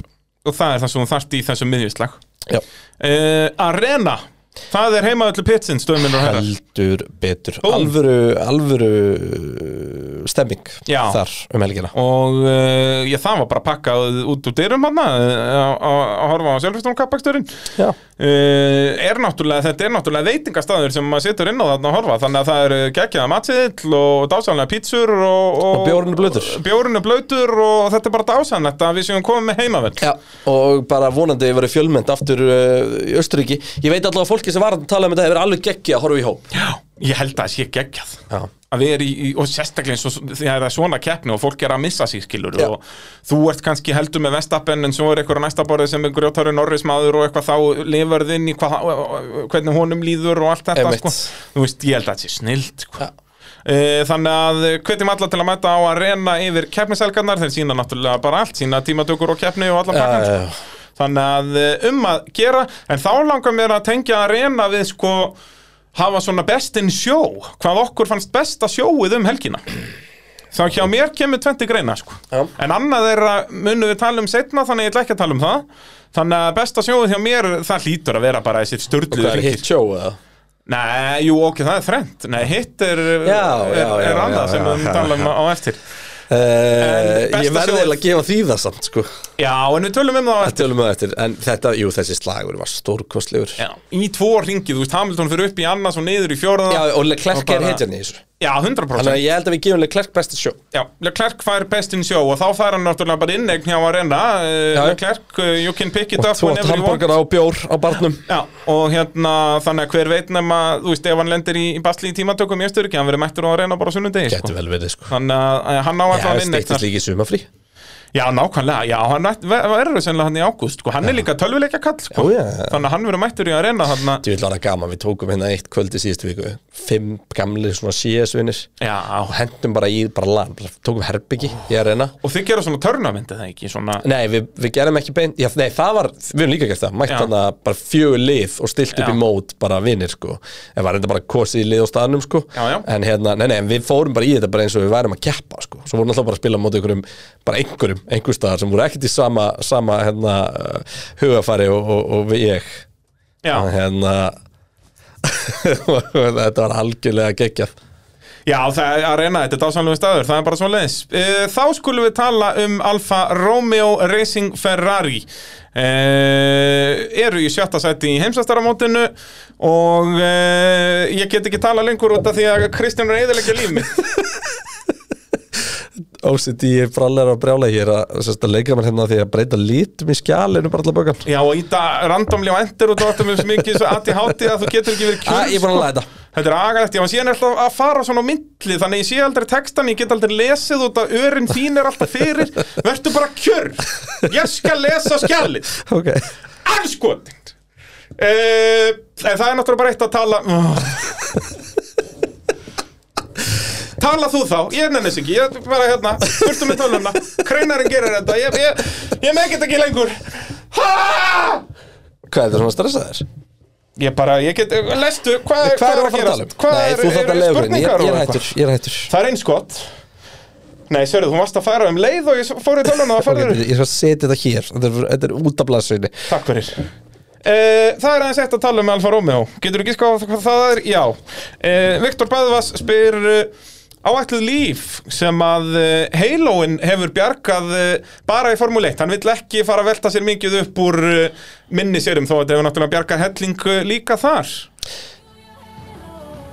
Þannig að hvað það er stóra spurningin uh, Þetta er samt að mínum að þetta er ekkert svo mörg líf sem að, þú veist, mér finnst alltaf vera gert meira úr þessu, þú veist, eins og á gömlum Formule 1 bíl held ég að sjó hafi ekki dáið. Nei, út í að út af Formule því 1 að bílar voru, eru, eða voru hannaði réttar að segja, við tölum betur um það á eftir, til þess að geta oltið. Það var alltaf hanna efsti Já. punkturinn og fremsti punkturinn, ef þú Já, dregur Það línu er þarna á ennþá milli. hannig, en það feilaði öruglega hjá í Já, en þeir eru eitthvað búin að veikja þetta í nýju bílunum, sko. Já, ég hérna Ég allavega sko Dásamlegt að hafa Queen Bee, hund. Já, Þetta er mjög, við þáttum að gera meira af þess. já En Halo náttúrulega er eh, dásamlegur og þá verðum við að hafa Queen Bee. Fá copyright strike on og þátt Já, skellur ekki að Hérna. lakið. Eh, sko hvað hafa mörg líf ég meina við sáum sko, ég, ég hugsa að Joe hefði alveg sloppið án heilósins í þessu grassi, já ef að rólhúpið hefði hangið eins og það átt að Mhm. Já, þú gera veist, en er það ekki rétt hjá mér? Rólhópi núna er bara, það er ekki af stert og Nei, þá ennþá, en vissið þú að heilóin eru títri? Já, Ég hefði vissið það ekki, ég held að hann væri bara goldræður bara líka sko. körpa, nei það, það, Þeir náðu Það ekki er að ekki gera það nóg nógu stert stíft Já. Út af þú veist, já, eins og ég segi það, Já, ég meina við sáum alveg hversu gott, uh, gott er í þessu það er bókstallega skurður niður ráskablan á Silvestón þar sem að Joe rann niður já, Og bara djúpur, sko, þú veist, bara Malbygg er ónýtt en svekkjandi fyrir Joe því að hann gerði ógeðslega vel í tímatökum og hann Já, átti enn alveg og góða aftur að keppni pakka Bottas bara. en það var svo margt við þetta slið sem var svo óhugnulegt þú veist hvar bíllinn endar S- og sko það er svo magna að sjá þessi vídeo sem eru tekin úr stúkunni það er eitt þarna sem er það, það, það er besta vídeoið það tekið svona aðeins á hlið við þar sem hann lendir það er á TikTok Mhm. og það er einhver gæða baki bara fucking hell og bara allan tíma bara frá því að fara af stað þá Já. segir hann bara fucking hell fucking hell og maður er bara eitthvað what the hvað er af því Hann er að lifa sinni í þetta. Það heldur betur, já en þú veist, svo situr hann bara heldur áfram að öskra, bíllinn lögur stopp bara Fucking hell! Eitthvað, þú veist, maður er bara eitthvað, jésus En hérna, en uh, óhugnlegt slís og það sem ég skil ekki ennþá er hvar bíllinn veldur því að þú veist, hann er með spinnað og hann spinnar inn á brautina Já, en hann flippar um leið já, um leið nefnilega, þetta á veist- ekki að gera svona auðvelt Ég er að Þetta er velta auðvitað ef- dekk í dekk, sko Nei, ekki þar Jú, Því að, nei, hann sest- byrjar á að snúast, hann byrjar ekki á að fara upp Já, við dekk, já, en- dekkjóttir hann snýst og Já. svo flippar hann þetta er svona eins og við höfum séð kapaspila flippa þegar þeir eru að renna á hlið út í malagrifju og svo svona blip, Já, þetta já. er blöðrulega á toppin þetta var gjössamlega brútal sko. Já, og eins og ég segi, ég átta mig nákvæmlega ekki á þessu og svo nákvæmlega rennur hann bara meðfram malbygginu á topnum, byrjar ekki að velta fyrir hann bara í malagrifinni Ég ætla að horfa á þetta hérna, þannig ég sé ekki að fara með nokkuð málum þetta var alltaf mín upplöfun að hérna, Já, en það verður dekk í dekk kontakt þarna, sko ja, bara, og, og er það runni stærsta ástæða fyrir hann af hverju hann, hann, hann veldur uh, áður en við tölum kannski meir um slisi langar mér að pæla í þessu með sko hversu mörg líf hann bjargast með heilónu, ég er ósamála til dæmis með að heilóð hafa bjargalega klerk hérna á sábernum var það ekki já, í spa sem hann fær eh, bílinn yfir sig jú, og hann var, hérna- hann var, Mér minni það, Spa í fyrstu beig farin ekki Alonso yfir sig, jú, Alonso og McLaren Óle Klerk á Sáber og þá var Jú, svona og merki Grósjan í klippir hann eða ég eitthvað svo leis, þá var svona merki í að bílinn hafi auðvitað farið í heilóið en ég vil ekki meina sérst, hann hafði alveg, bílinn hafi ekki farið í hann en til dæmis Formúlu 2 krasi á Sjöldastón þar bjargaði heiló mannslífi 100% ég held að eina mannslífið sem að heilóið hefur bjargaði mínumandi í Formúlu 1 er bara Hamilton í fyrra á Monsa og það hann fengið dekk og þó, nei, þetta er ekki það mikið, nei, hann hafði ef að- ef- það fyrir eftir hvort að verðstafnið er reynd að kæra í burtu eða ekki Já, hafði spólað Og En þó, hérna, ég það er var að- hann samt Nei, hann hafði sannlega ekki dáið Hann hafði getað slasast alvarlega ég held Sennilega samt ekki sko það dáið. sem við erum alltaf að horfa á er þú veist ef að bílinn grefst inn eða eitthvað álíka um, og það eru þessa veldur Jú, nei, grósjan auðvitað Grósjan hafði dáið Hann hafði fengið gyrðingur í hausin Já. Hann hafði allavega hann að rótast og það, þá hafði hann dáið út að hann rótaðist en alltaf þú veist það er, það er mesta lukka ef verð það kvikna ekki í svona sáber sko Já, Og það var engin en þar, sko. en þar hefðu heilu við dreipið Já, og sem að gerist næstu hjá grósunni fyrra já þú veist þetta er nefnilega ekki Nei, samt Heilo var næstu upp að dreipa grósjan en var sem búið að bjargunum áður já, já, en já, var hann næstum er ekki, hann því búinn að er ekki drepa. komist í að reyna að komast upp á bílum Já. já. Það er málið, sko Eh, ég ætla að leiða þetta fyrir ekki hann hérna, þetta er unnur sko, það verður kontakt þar sem að hann fer aðeins upp á hliðina hann fer í þokkabótt út í grasi og grefst aðeins ón í það sem heldur áfram að spilna Já. og svo er hann náttúrulega í botgjöf á hlið og þá bara þá- vlup, Og þetta gerir svo hratt nefnilega þetta er alveg rosalegt. bara, þú veist, og, og sko, við erum að tala um það að sjólíka sér þetta aldrei koma sko. Já, hann er bara að keira og svo er hann allt í Já, hennu og- snýran öfugt á kvolfi og ytradekkið er sprungið um leið í þokkabótt Þess vegna grefst hann inn í ja, hann grasið sko, affelgar eða eitthvað í, í snúningnum Þannig að, en, en e, taland um þetta hefði það kviknað í bílnum e, þá hefði hann stein drepist Það var ekki fræðilegu möguleik að komast út Nei. úr þessum bíl sko. Nei, nei, þú veist, maður var að býjast þeirri þetta bara fjallaði dekkjaðu ekki til að komast að hann sko. Hvernig sko, við fáum hérna Jón Brynjar spyr hvernig var tjó hva- náð út úr bílnum En Þeir enduðu bara á að lifta bílnum upp meðan inn í honum, eða ekki? Ég sá, nei, hann væri ekki bara tiltanum aftur upp í grindverkið Var nú mikið pláns þannig? Já, það geti verið, það eru ítt honum og haldið honum svo Það er bara nokkuð. haldið honum á hlið og svo prenglar út að það er náttúrulega hættulegt síðan ef að þeir missa takja þá kremur, kremur hann tjó inni sko Áhugavert að maður sé ekki búin að sjá það Ég reyndi að googla þetta og ég fann mjög lítið en ég hafði haldið að þeir höfðu bara lift honum sko, Já, með sjó inn í bílnum sko. ég googlaði Joe Extraction Finger Nei, hérna, Extraction Video Og þá kemur hérna Extracting a Worm from Finger Það var samlega Nókar ekki að horfa á það Og svo Nei. komið fullt af hérna svona fílapensla-vídeóum Já, það, ferðu, ég þekki fólk sem að elskar svoleiðis Já, konum ég var alltaf að horfa á þarna Dr. Pimple Popper Mér finnst þetta ógeðslega Já, en ég veit ekki af hverju, ef ég var kveikt á þessu þá svona langaði mig ekki til að horfa á þetta en ég gat Gat ekki ekki, hætt. horfa Já, á þetta það, ég- Eitt félagi minn er bara addicted to it sko. Hann horfður bara á þetta reglulega, bara tíu myndna vídeo og fólk að taka fílapensla sko. Það er Þetta ógeðslega er ógeðslegt sko Hérna, En ég, þetta er- þetta er frábær spurning um það hvernig hann var tekin úr bílnum er raunveruleika sem ég langar að vita uh, mér sýnist hérna jú, hérna er ég að horfa á mynd af bílnum þar sem er búið að ítunum upp við gyrð- girðinguna Já. og það er bara fullt af fólki Að að halda halda, bílnum uppi og hann prílur svo út sjálfur sko. En Þetta eru sko voðalega tók 1, þetta 2, langan- 3, 4, 5, 6, 7, 8, 9 Þetta eru allavega 10 hausar sem ég sé hérna Og sko það er búið að taka hjálminn af honum í bílnum og allt Já, sko. já. En það breyti því ekki að þetta er allt mjög erfitt Því að ef hann hefði þessu hálstjónaður Hvernig ætlar að ná honum upp úr bílnum Þá hafður þurft að lifta bílnum Út að hann er örugari En eh, bara þetta að lifta honum á kvolf Reina að snú honum einhvern veginn í loftinu og Leggja hann niður til að geta ekstraktaða með sætinu Já. Ég held að það hefur örugara heldur en að láta hann príla út sjálfur Eða þá bara taka sér tími í þetta Og bara Já hafa hann en á hlið. tími er ekkit andla sem hún hefur Ef á einhverju hálsbrotin sko Nei, nei, en það er samt talið betra heldur en þetta var breyttist manni í kringum 90, í, þetta er í kringum Gerhard Berger krassið í Tamburello Mm. að þá fóru læknar og þetta er örlítið fyrir það, þá var byrjað að rannsaka svona dót og þá fóru þeir að einblýna sér meira á það að taka sér sinn tíma á slinstað Já heldur hann að rössa þessu Það ger ekkit auka tjón Já. út að þá sem sagt, með research og svona dót þá var oft síða það að við að drífa sig að hendunum mín í þyrlu og jari, jari, jari að þá var ég verið gert bara meira tjón í staðin fyrir bara að mæta á staðin með alls konar dót þú veist, ef það er blokkaður blokkaður öndunarvegur og allt Já, þetta bara approach þetta bara eins og slistað út á götu, skilur Já. við, þar sem að bara mæta læknar og sjúkrabílar og, Algjörlega, og þetta er og- unnið í samstarfi Já, þú veist, og, og sjúklingnum er náð svona steipul ef það er hægt á staðnum það er nefnilega líkilorðið þetta ná honum steipúl á staðnum þannig að hann fari ekki í bráðuri lífsættur inn í þyrlu Einmitt. skilurðu. og það er það sem bjargaði til dæmis Mika Hakkinen og Adalid 95 að hann er gerður, það er komið fyrir Krossaði öndunarvegi hann ekki líka basically á spítalan Já, hann eiginlega klesti inn í spítala sko. Það var rosa, en hann er samt heldur settur með Nei, hann er Jú, var hann ekki sett með þyrlu upp á þak Nei,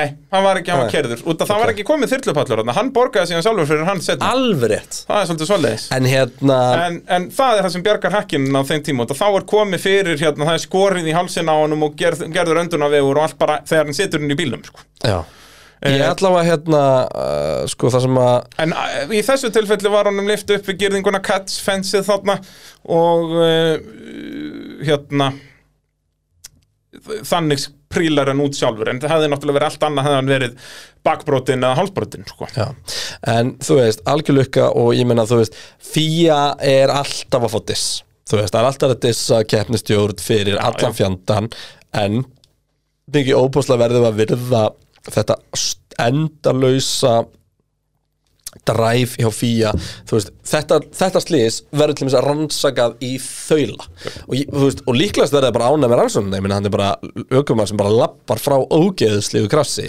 en málið er það, að munurinn á kappakstri í dag og fyrir 40 árum var að það var brugðist við þegar einhver var döður í dag er formúla alltaf hann að finna út hvernig gæti einhver mögulega dáið og hvernig leysum við það og þetta bara sýni það enn og aftur þú veist að, Já, það, hérna, mástu heimildamyndin sem ég síndi þér, hann að One já, að þá er mitt, sko Max Mosley orðaði þetta mjög vel að þegar að ökumenn voru að deyja bara einu sinni í mánuð hann inn í 70s Já. að þá bara heyrðu það dó ökumaður hún hvað, hérna, dóan segir já, þetta er bara í svona í kappaktri að kera geða tratt þannig að Einmitt. þeir deyja stundum síðan breytist hugsunarhátturinn þegar að Ratzenberger og Senna deyja út að þá er þetta farið að vera í bytni út um allan heim Já. fólk horfði á Arton Senna deyja í stofunni heima á sér með krakkana með sér einmitt og þá kemur þessi spurning af hverju dóan já. þá loksins voru að pæla en af hverju deyran sem er samt erfitt að segja því að árun undan var búið að vera ógeðislega mikið púss í Vissulega, eftir öryggismálum að tilsvölin eftir Já. eins og við en, töluðum en um samt þarna. sem áður, algjörlega en þá, þá, þú veist, er farið að verja brjáluðum fjárhæðum í að fyrirbyggja slís en ekki að komast að því af hverju slísi varð og laga það, Já. skilur við Þú veist eins og bara var gert, við fengum nýja hjálma eftir að senna, nei eftir að massa, fær Já, uh, láttu mig það ekki, það kostaði mig svolítið mikið nákvæmlega, að- eftir að massa fekk gormin í Mhm. hausinn og allt það. Ég var að sjá myndir af þessu núna af gorminum, hann er miklu stærri enn í bjónst við.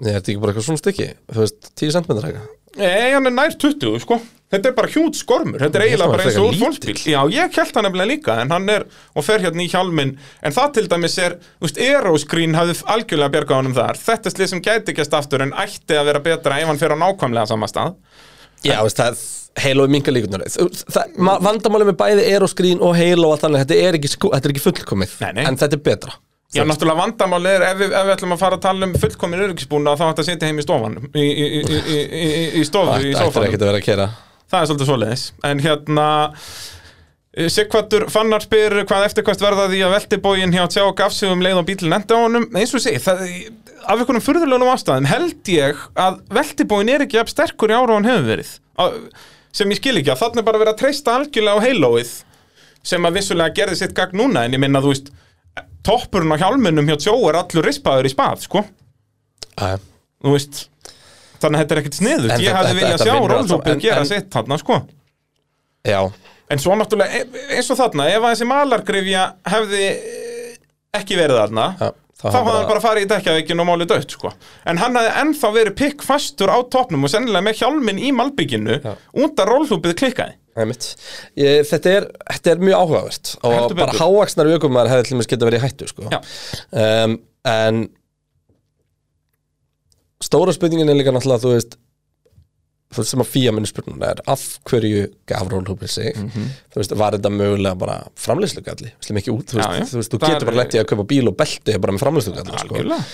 um, eða, var þetta, eða var þetta bara högg sem að fíja hafði ekki fyrir séð þetta verður náttúrulega rosalegt högg hana og, og svo þú veist, getur ímyndaði þú veist, þegar maður sér hvað hann er búin að grafast niður malbyggi, getur ímyndaði mótstöðuna við að rífa þetta malbyggi upp Yep. um, En það góða er samt að verstu krössin sem að lúka svona dramatíst er oft skást því að verstu krössin eru, þú veist, Albon fekk örgulega meira högg á sig heldur en Joe Í G-kröftum, sko, 100%. Og og, og líka bara það eru verra þau beint högg af sem hliðina. að geta gert svo mikið skada sko.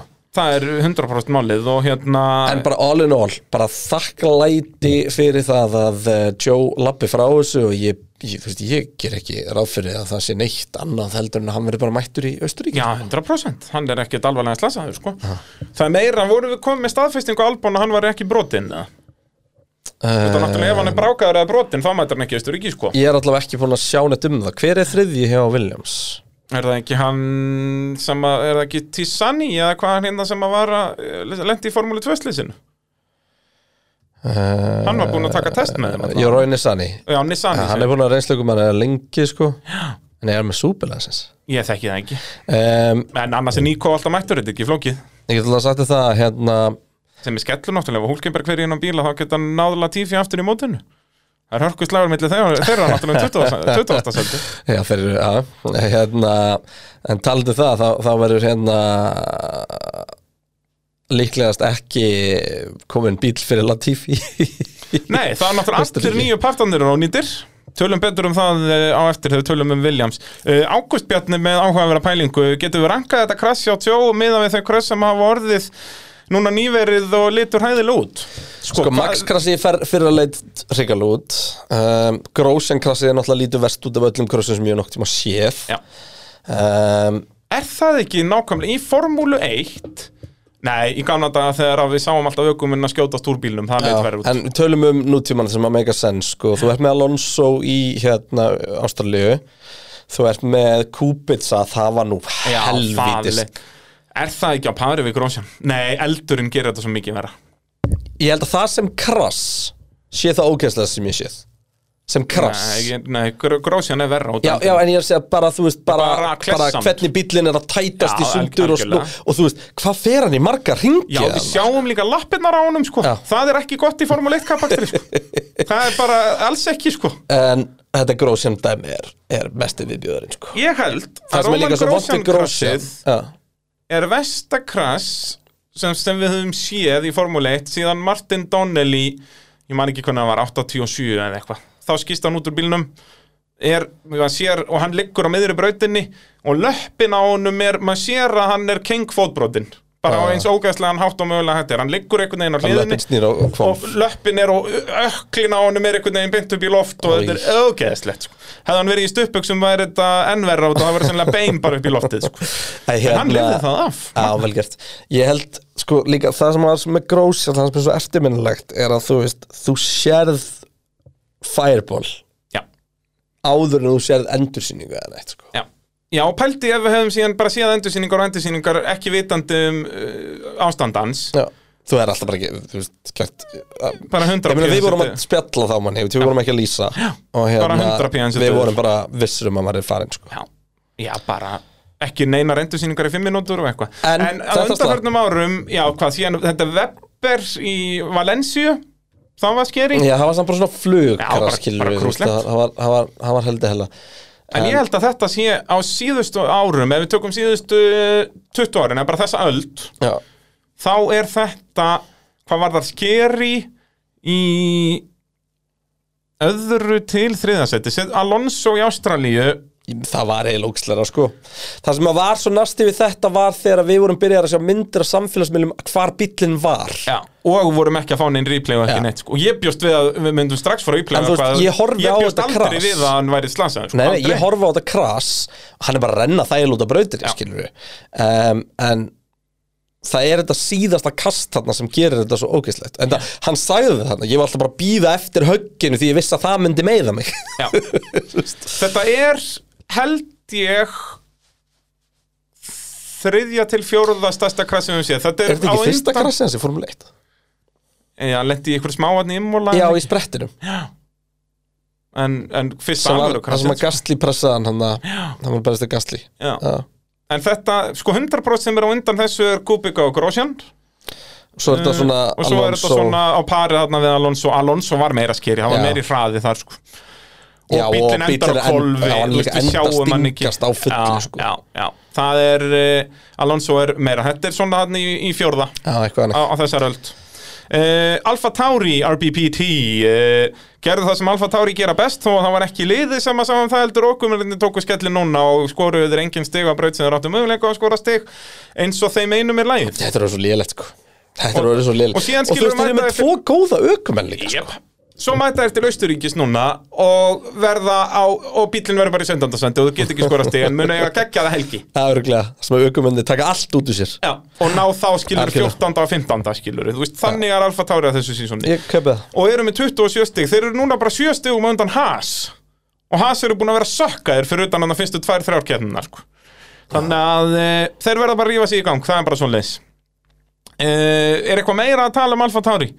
Við töluðum um að þeir Hvað ætlarðu að tala um? skildu allt eftir þarna fyrir Vestappen og svona þannig að ég held að ég komið ágætt þar uh, Pitturinn er að sjálfsögðu bóði Viaplay uh, Þar eh, eins og ég talaði um áðan allar eh, bestu Tom Cruise myndir er að valsa þar inn allar Mission Impossible komnar eh, fyrir utan svona þar uh, já bara eh, nei, ég verður ekki bara allar komnar Sveimir það En var Rock Nation er komið núna uh, Svo er náttúrulega eh, Brad Pitt að koma sterkur inn á Viaplay um Já, þessar og- myndir. og- og- og- nei og það var Tom Cruise að hann sem var góða Já, já, sterkur en pittarinn eh, er að koma virkilega sterkur en núna því að það er komið eh, mynd sem ég langar að sjá Ad Astra já, já, nei ég tekið hana Já, fórstu á hann í bíó eða eitthvað Nei, ég Það- það var horfði bara talað um svona á að hún hana. væri mjög weird Er hún góð? það? já Ok, ok Mér, Ég er líka mikill svona space sci-fi fan Já. S- þú veist, og sérstaklega ef það er ekki þú veist eitthvað svona, Star Wars eða eitthvað nei ég elska Star Wars Já, veistla, sko ég var með það, ég tók Kenobi um daginn hérna, Okkar allir besti hann ekkert skæða bókur það var svo stór hlutu sem gerist í þessari- þessum þáttum sem enginn tók eftir sem er bara einn í fyrstu seríun, nei fyrstu andriðunum Sem er? Stormtrooper hittir gaur Heyrði, já, það er rétt Það er stórmagna það er bara, þú veist, og þú veist, þetta er bara einhver aukalegari, sko Já, en hann hittir, en hann hann þú hittir. sérð hann bara hittar, Þetta var reyndar af, rosalegt. þú veist, hálfsmetars færi, Já, það er sko samt Stormtrooper eh, Það er gott fyrir Stormtrooper, sko Stormtrooper 1, restin 0 myndi ég bara segja Það eh, er nákvæmlega svo leið Já, þú veist, reyndar Stormtrooper 1, restin 5 miljón, en þú veist, Já, já við byrjum bara að tellja þarna. Ég segi það uh, um, Pittarinn að koma sterkur inn með Adastra uh, Mm. Já, og í pittinum, þú veit, akkur ekki Brad Pitt að sponsora pitt? Nákvæmlega sko Það er, eh, núna er hann að gera það óbeint og síðan náttúrulega er Fight Club búin að vera þarna inni heilengi og svo er líka komin inn eh, mynd sem að mér þingir mjög góð The World War C Já, eða World War Z ég Eh, elska þetta hjá þið bara, þú ert alltaf að minna mig á okkur svona til að tjekka á, sko Já, Þetta, þetta er auðvitað þannig að- fyrsta myndin sem að minnist á sem ég er búin að sjá hérna að Dastra Já, Ég held ég sem búin að sjá hana, ég ætla að sjá en hvort það sé fyrir þá einhver sem myndin að ég held elska sé. zombía að þá er þetta Jú. besta zombie-mynd sem ég hef nokkuð tíma að segja Tommy Lee og Brad Pitt, ég er búin að sjá hana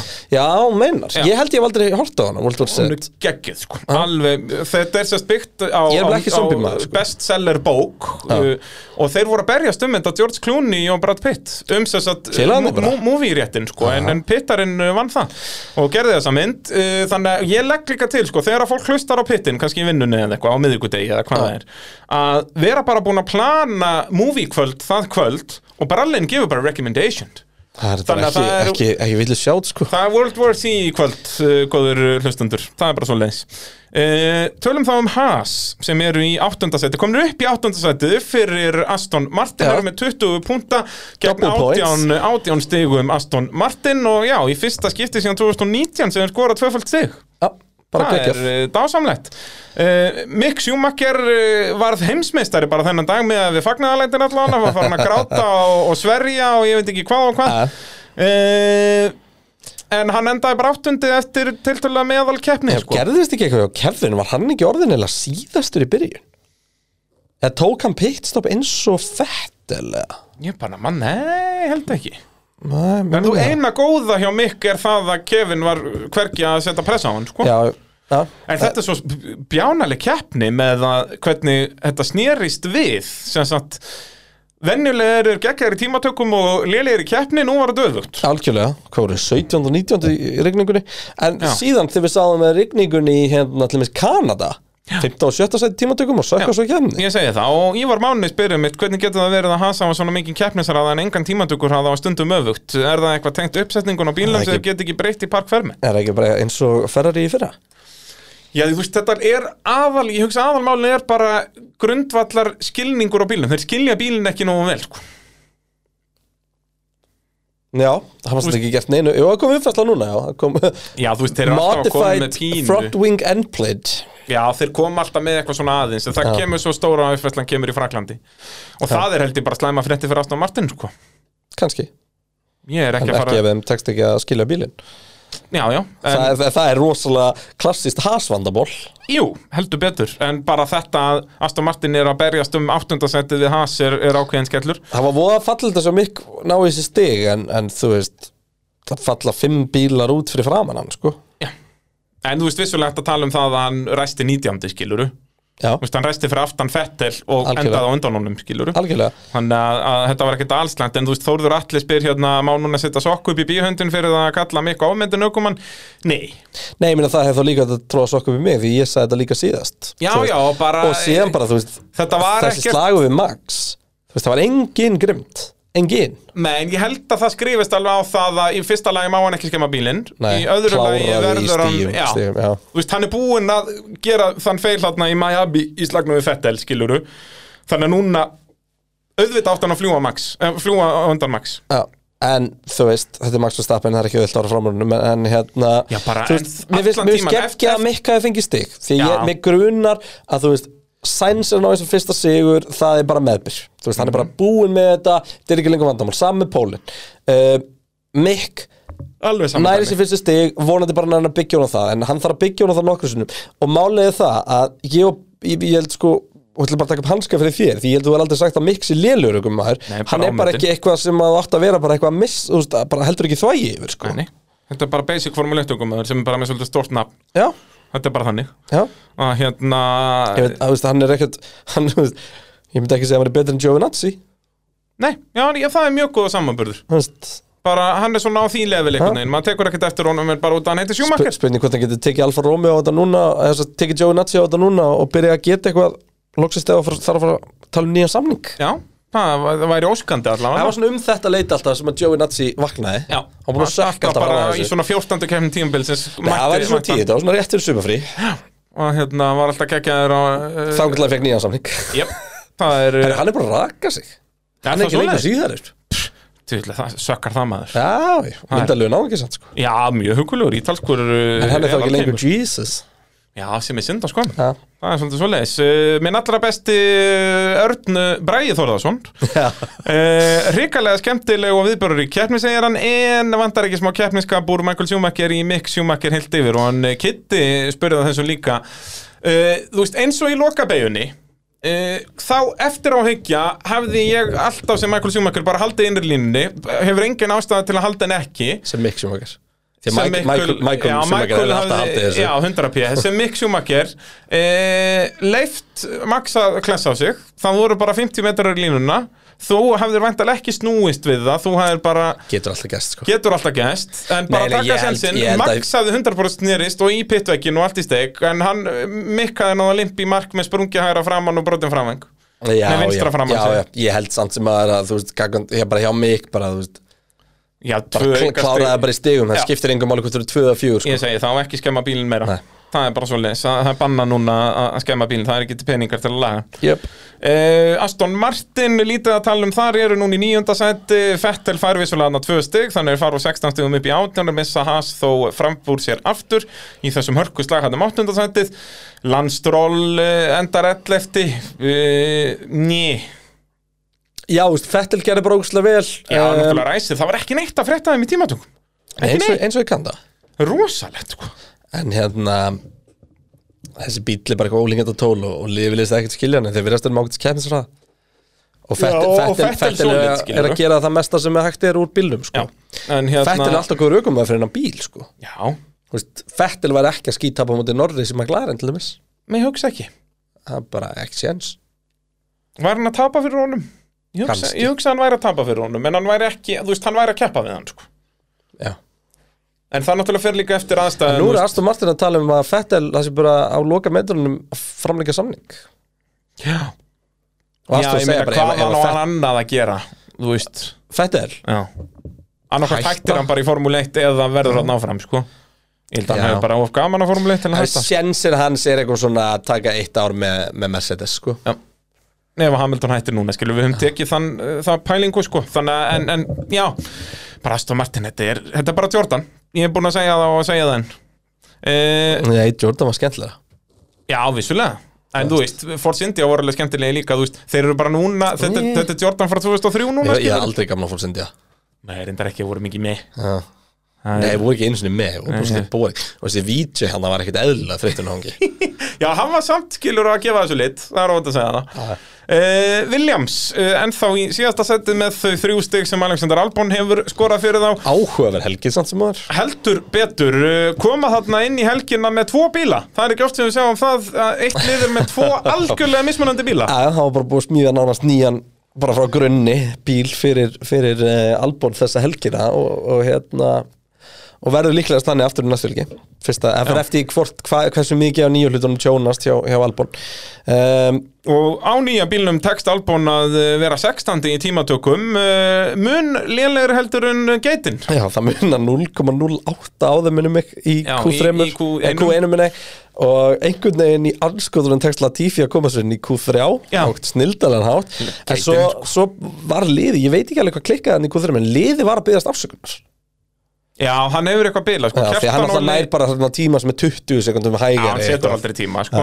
Kjartanóli spyrir mitt hérna hvaðan kom þessi Axtirjóli Tífi eh, að komast eh, inn í Q3 Hann var bara En geggjar í alltaf, rigningunni það, Q2 neða, það er alltaf sem að gerist í Q2 er að hann setur tíma meðan að brautin er það góð svo Jep. blotna brautin meira og hann, þannig er ekki hann, að bæta hann sig sko. er á besta tíma að setja, þú veist, hann er síðastur að setja tíma í, be- í anstæðum áðurnar vestna sko.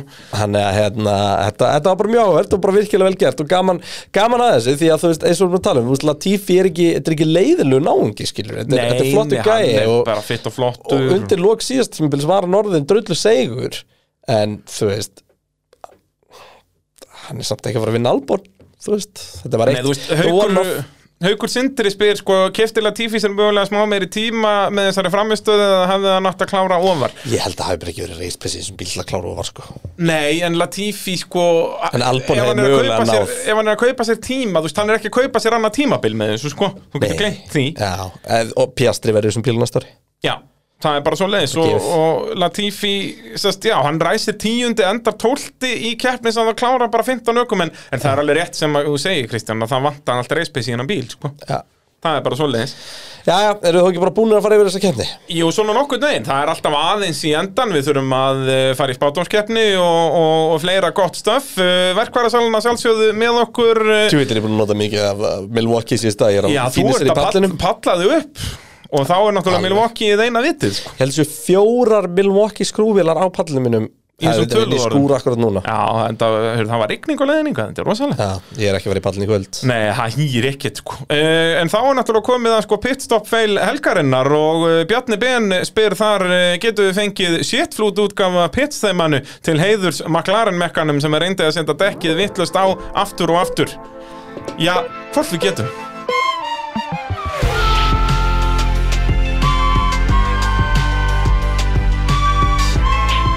Það er elsku burgerinn maður, hann klikkar ekki Þetta er það besta sem ég veit Þetta er Bíddu, þrítónar hæ- líka. hæ- Hækkum aðeins í þessu aftur Ah. oh, Þetta er það, Ég er náttúrulega það er ekkert sem ég elska meira heldur en Siri flugur Já. Og Bergerinn eh, búinn að henda hvað er þetta? Þrjár mismunandi panflutur sem hann er hendi þarna eða? Ekkert eðlilega hugulegt Uh, stöf per Peruv- Peruvian panflutes Já, þetta er bara, þannig að nú alltaf þegar einhver er að skýta á sig að þá hendum við þessu shitty flút í gang en þetta var, Þetta er best sko ég hef aldrei, þetta var í fyrsta skipti í útsendingu sem að við vorum báðir, Oh gátum my ekki God. talað út af að fórum að hlæja svo Þetta mikið voru góða 15 sekundur sem ég var bara hlægjum Já, bara ég hlátust krampa En það sem sagt, þetta gerist í, í æfingum að þá klikkar tjakkurinn eitthvað undir bílnum hans Norris Já, Það dettur er- niður á já, aftan. og það er engin dekk undir bílnum þá þannig að hann hlaupir til að ná í annan tjakk og eitthvað þannig, og það svona, mixast eitthvað hlutverkin fyrir vikið Já. og það er einhver gæi sem er líklegast ekki í því að setja dekk á Nei, bara Sem í er ríf- stuttermaból, bara já, eitthvað. sem rýfur bara upp la- dekkið og byrjar að tróða því á en snýr því öfugt þannig að hjólkoppurinn snýr Já, og fyrst, þess að við sjáum þetta ekki út að myndavélni beint fyrir aftan bílinn við bara, heyrðu, og kemst ekki síðan ekki upp á eitthvað svo sjáum við þetta aftur frá hlið þegar hann, ja, sérst, þegar hann er fyrir að snúa þið við og deyjum úr Já, hlátur og það er bara einhver svona gæi fyrir framann bara svona, "Heyrðu, Heyrðu, þetta er geturðu- öfugt, þetta- það snúr sér við af öllum hlut, þetta er svo dásamlegt allt of gott, sko. Allt of gott dæmi sko. Allt of þannig gott. að eh, enn og aftur er það sjálfsögum maklarinn, þú veist, auðvitað eru maklarinn að skýta á sig í þjónustu hlíðum, eru það að sjá merkingarnar á bílum með það það er ekkert Milwaukee þarna og þá auðvitað verða er í skýtnum Æ. og bara þangað til að þeir fara að plokka þessu ógeðslegu miðan á bílnum, Það verðist þannig, en, en djúvillir eru lillir í pitstopum það er bara svo leiðis Það er alltaf kemur það á eitthvað að óvart klikka. eða? Nei. Nei, það er svo leiðis þeir þurfa að skella sér í verkværisöluna og græja þessi mál Já, Það er- hendur svo gularusli, fá svo þetta The Red, Fá- já, sjá ljósið bara heldur betur Hérna, bítimarkaðurinn Herri, já, hvernig hefur að gera þetta? Sko, Sko þetta er svolítið þinn hausverkur, það sem Já. þetta var þín hugmynd og ég sagði mjög skýrt í byrjun ef þetta verður eitthvað vesen þá kem ég ekki nálandi já, ég er svona að spá, sko Við þurfum eiginlega bara að búa til e-mail og fá í tölvupósti Ok, Þú veist, ekki nema að við viljum ekki nema að við viljum hafa þetta í bara Facebook-þræði Á En ég ekki bara bara- Mm. að gera það Fáum kvataling til að búa til einhverja mynd sem ég get síðan bara sett alltaf svona mynd af hlutnum sem maður bjóða og þetta fer í Facebook-mynd, sko, því að við vorum þú veist, getur þú ímyndaðir hvað ég hef með mörg skilabúið Instagram eftir þess að keppnum helgina til dæmis hvernig mér mun núna ganga að finna bíktimarkaðstilbúðin sem ég hef búin að vera að fá já verður ekki En mjög þú sterk náttúrulega átt að sko um leið og að færð message, þú átt að bara að henda þessi dokkskjál sko, þetta er ekki flókið auðvitað, auðvitað En ég var alltaf búin að senda þér eitthvað af þessum hlutum Já, þú endar alltaf að senda, en ég minna síðan erum við búin að En tala sko. það var til þess að ég Hættu að geti- nota helvítis messenger Það var til þess að ég gæti farið upp og fundið Þú veist, hérna varum við að bjóða okkur sko mótel og mér sýnist þetta að vera gamall alpín Já, hann er geggjaður Hann er mjög flottur sko og gæti verið mjög góð byrjun sko Ég við ekki hérna um, Það var mjög góð byrjun, svo varum við bjóða okkur hátalara um, sem að uh, Sem er væri, gott kjöt það væri líka. gott cash í sko Já Þannig að En við viljum líka helst hafa þetta frekar steikt En svo þurfum við náttúrulega að vinna okkur upp Ég Og veit get, það. Ef við byrjum á mótelinu Ég veit það. Þá getum við síðan tekið hátalarana og bara unnið okkur upp úr því sko. fristum þetta um nokkra daga Þú og, græjar setjum, þetta. og ég ætla að setja inn Facebook post All right. Og Um þannig að það kemur þá bítimarkaðinn. alltaf nýr póstur Þannig að- Þegar við erum búin að gera bíti já, Já. og svo Þannig- ákveðum við í þættinu hvað við ætlum að býta Já, hvað við veljum og þetta verður Taka smá sérstaklega umræðu með þetta. skemmtilegt í ágúst í off-season Heyrðu, það er enda rétt, þá getur bítimarkaðunum bara tekið yfir pittin Já. það er svolítið svoleiðis Mér þetta er svo dásamlega hugmynd hjá þér, sko, ég elska þetta svo mikið Já, já, þú veist, vonandi bara tekur eitthvað þátt í þessu Það er bara, þannig. já, það En er það er sem sagt, hann mun verið í bóði Ég þarf þetta að finna hann aftur, ég er búin að týna hann aftur Pitt derhúa Já, orginal derhúa Orginal derhúa Já.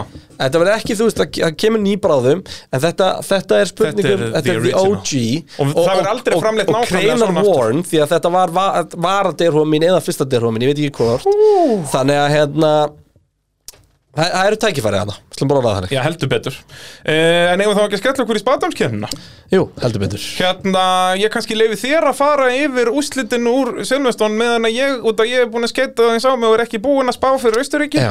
Þannig að far, far þú yfir stígin Já, uh, mér finnst samt þessu sem er vittlust að spá frá mér Því að mér minnir að ég hefði sett Hamilton mjög ofarlega Nei, sko, út af því að spáin þín af einhverjum ástæðum var ekki í skjælinu Þannig ég þurfti að fara að hlusta á þáttinn til að finna þína spá Þannig að þetta er rétt spá Já, ok, ok, ég En eh, af hverju var hún ekki í skjælinu? veit það ekki Ég strákur ekki muna, en ég þurfti allan í morgun að fara bara á Spotify og hlusta á þáttinn síðasta þátt sko. Já, ég skil ekki uh, Ég ætla að spá í verstapenn sigri Það var mjög ránt uh, Það eru við 6 mínustig, ég meðlega Klerk annan Það eru 2 mínustig, Sainz þriðja Það eru 2 mínustig, uh, Russell fjórða Það eru 14 mínustig, Peres þriðja Það eru 3 mínustig, Hamilton uh, Nei, Peres þriðja Peres með 3 mínustig, Peres fymta með 3 mínustig Hamilton sjötta það eru 3 mínustig Botta sjönda það eru 10 mínustig og Okkon áttunda það eru 7 mínustig Þetta var dýr, Var, var, dýrt hjá er mér þetta röng spá hjá þér? Ég held það Er ég í rugglinu það? Ég held, ég er eiginlega alveg vissum að, út í ég talaði svo mikið um að það getur verið Hamilton helgir sko. Já,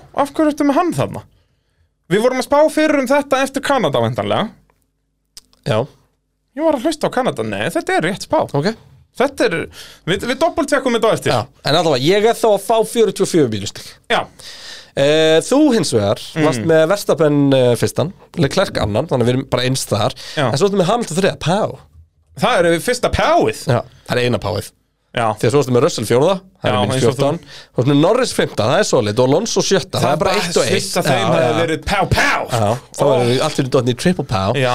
Svo ertu með Okkon og Bottas en þetta var, þetta var mjög léleg helgi hjá okkur báðum Já, ég græði svo mikið á Norris og Alonso þarna Já, en þú ert samt bara með 5 stegum minna en ég, sko Já, en ég er alltaf að sexa, sko Hundasaksa, sko Og munurinn hann stendur núna ekki í nema 16 stegum, sko Já. Ég er með 325 og þú með 371, sko Það er uh, góð punktur Eh, Þannig að þetta getur allt gerst þetta en, en ég er búinn að spá fyrir Östuríki Ok, Og hvað bara ertu ég er að- ennþá að spá Hvað er þannig þetta að negla í?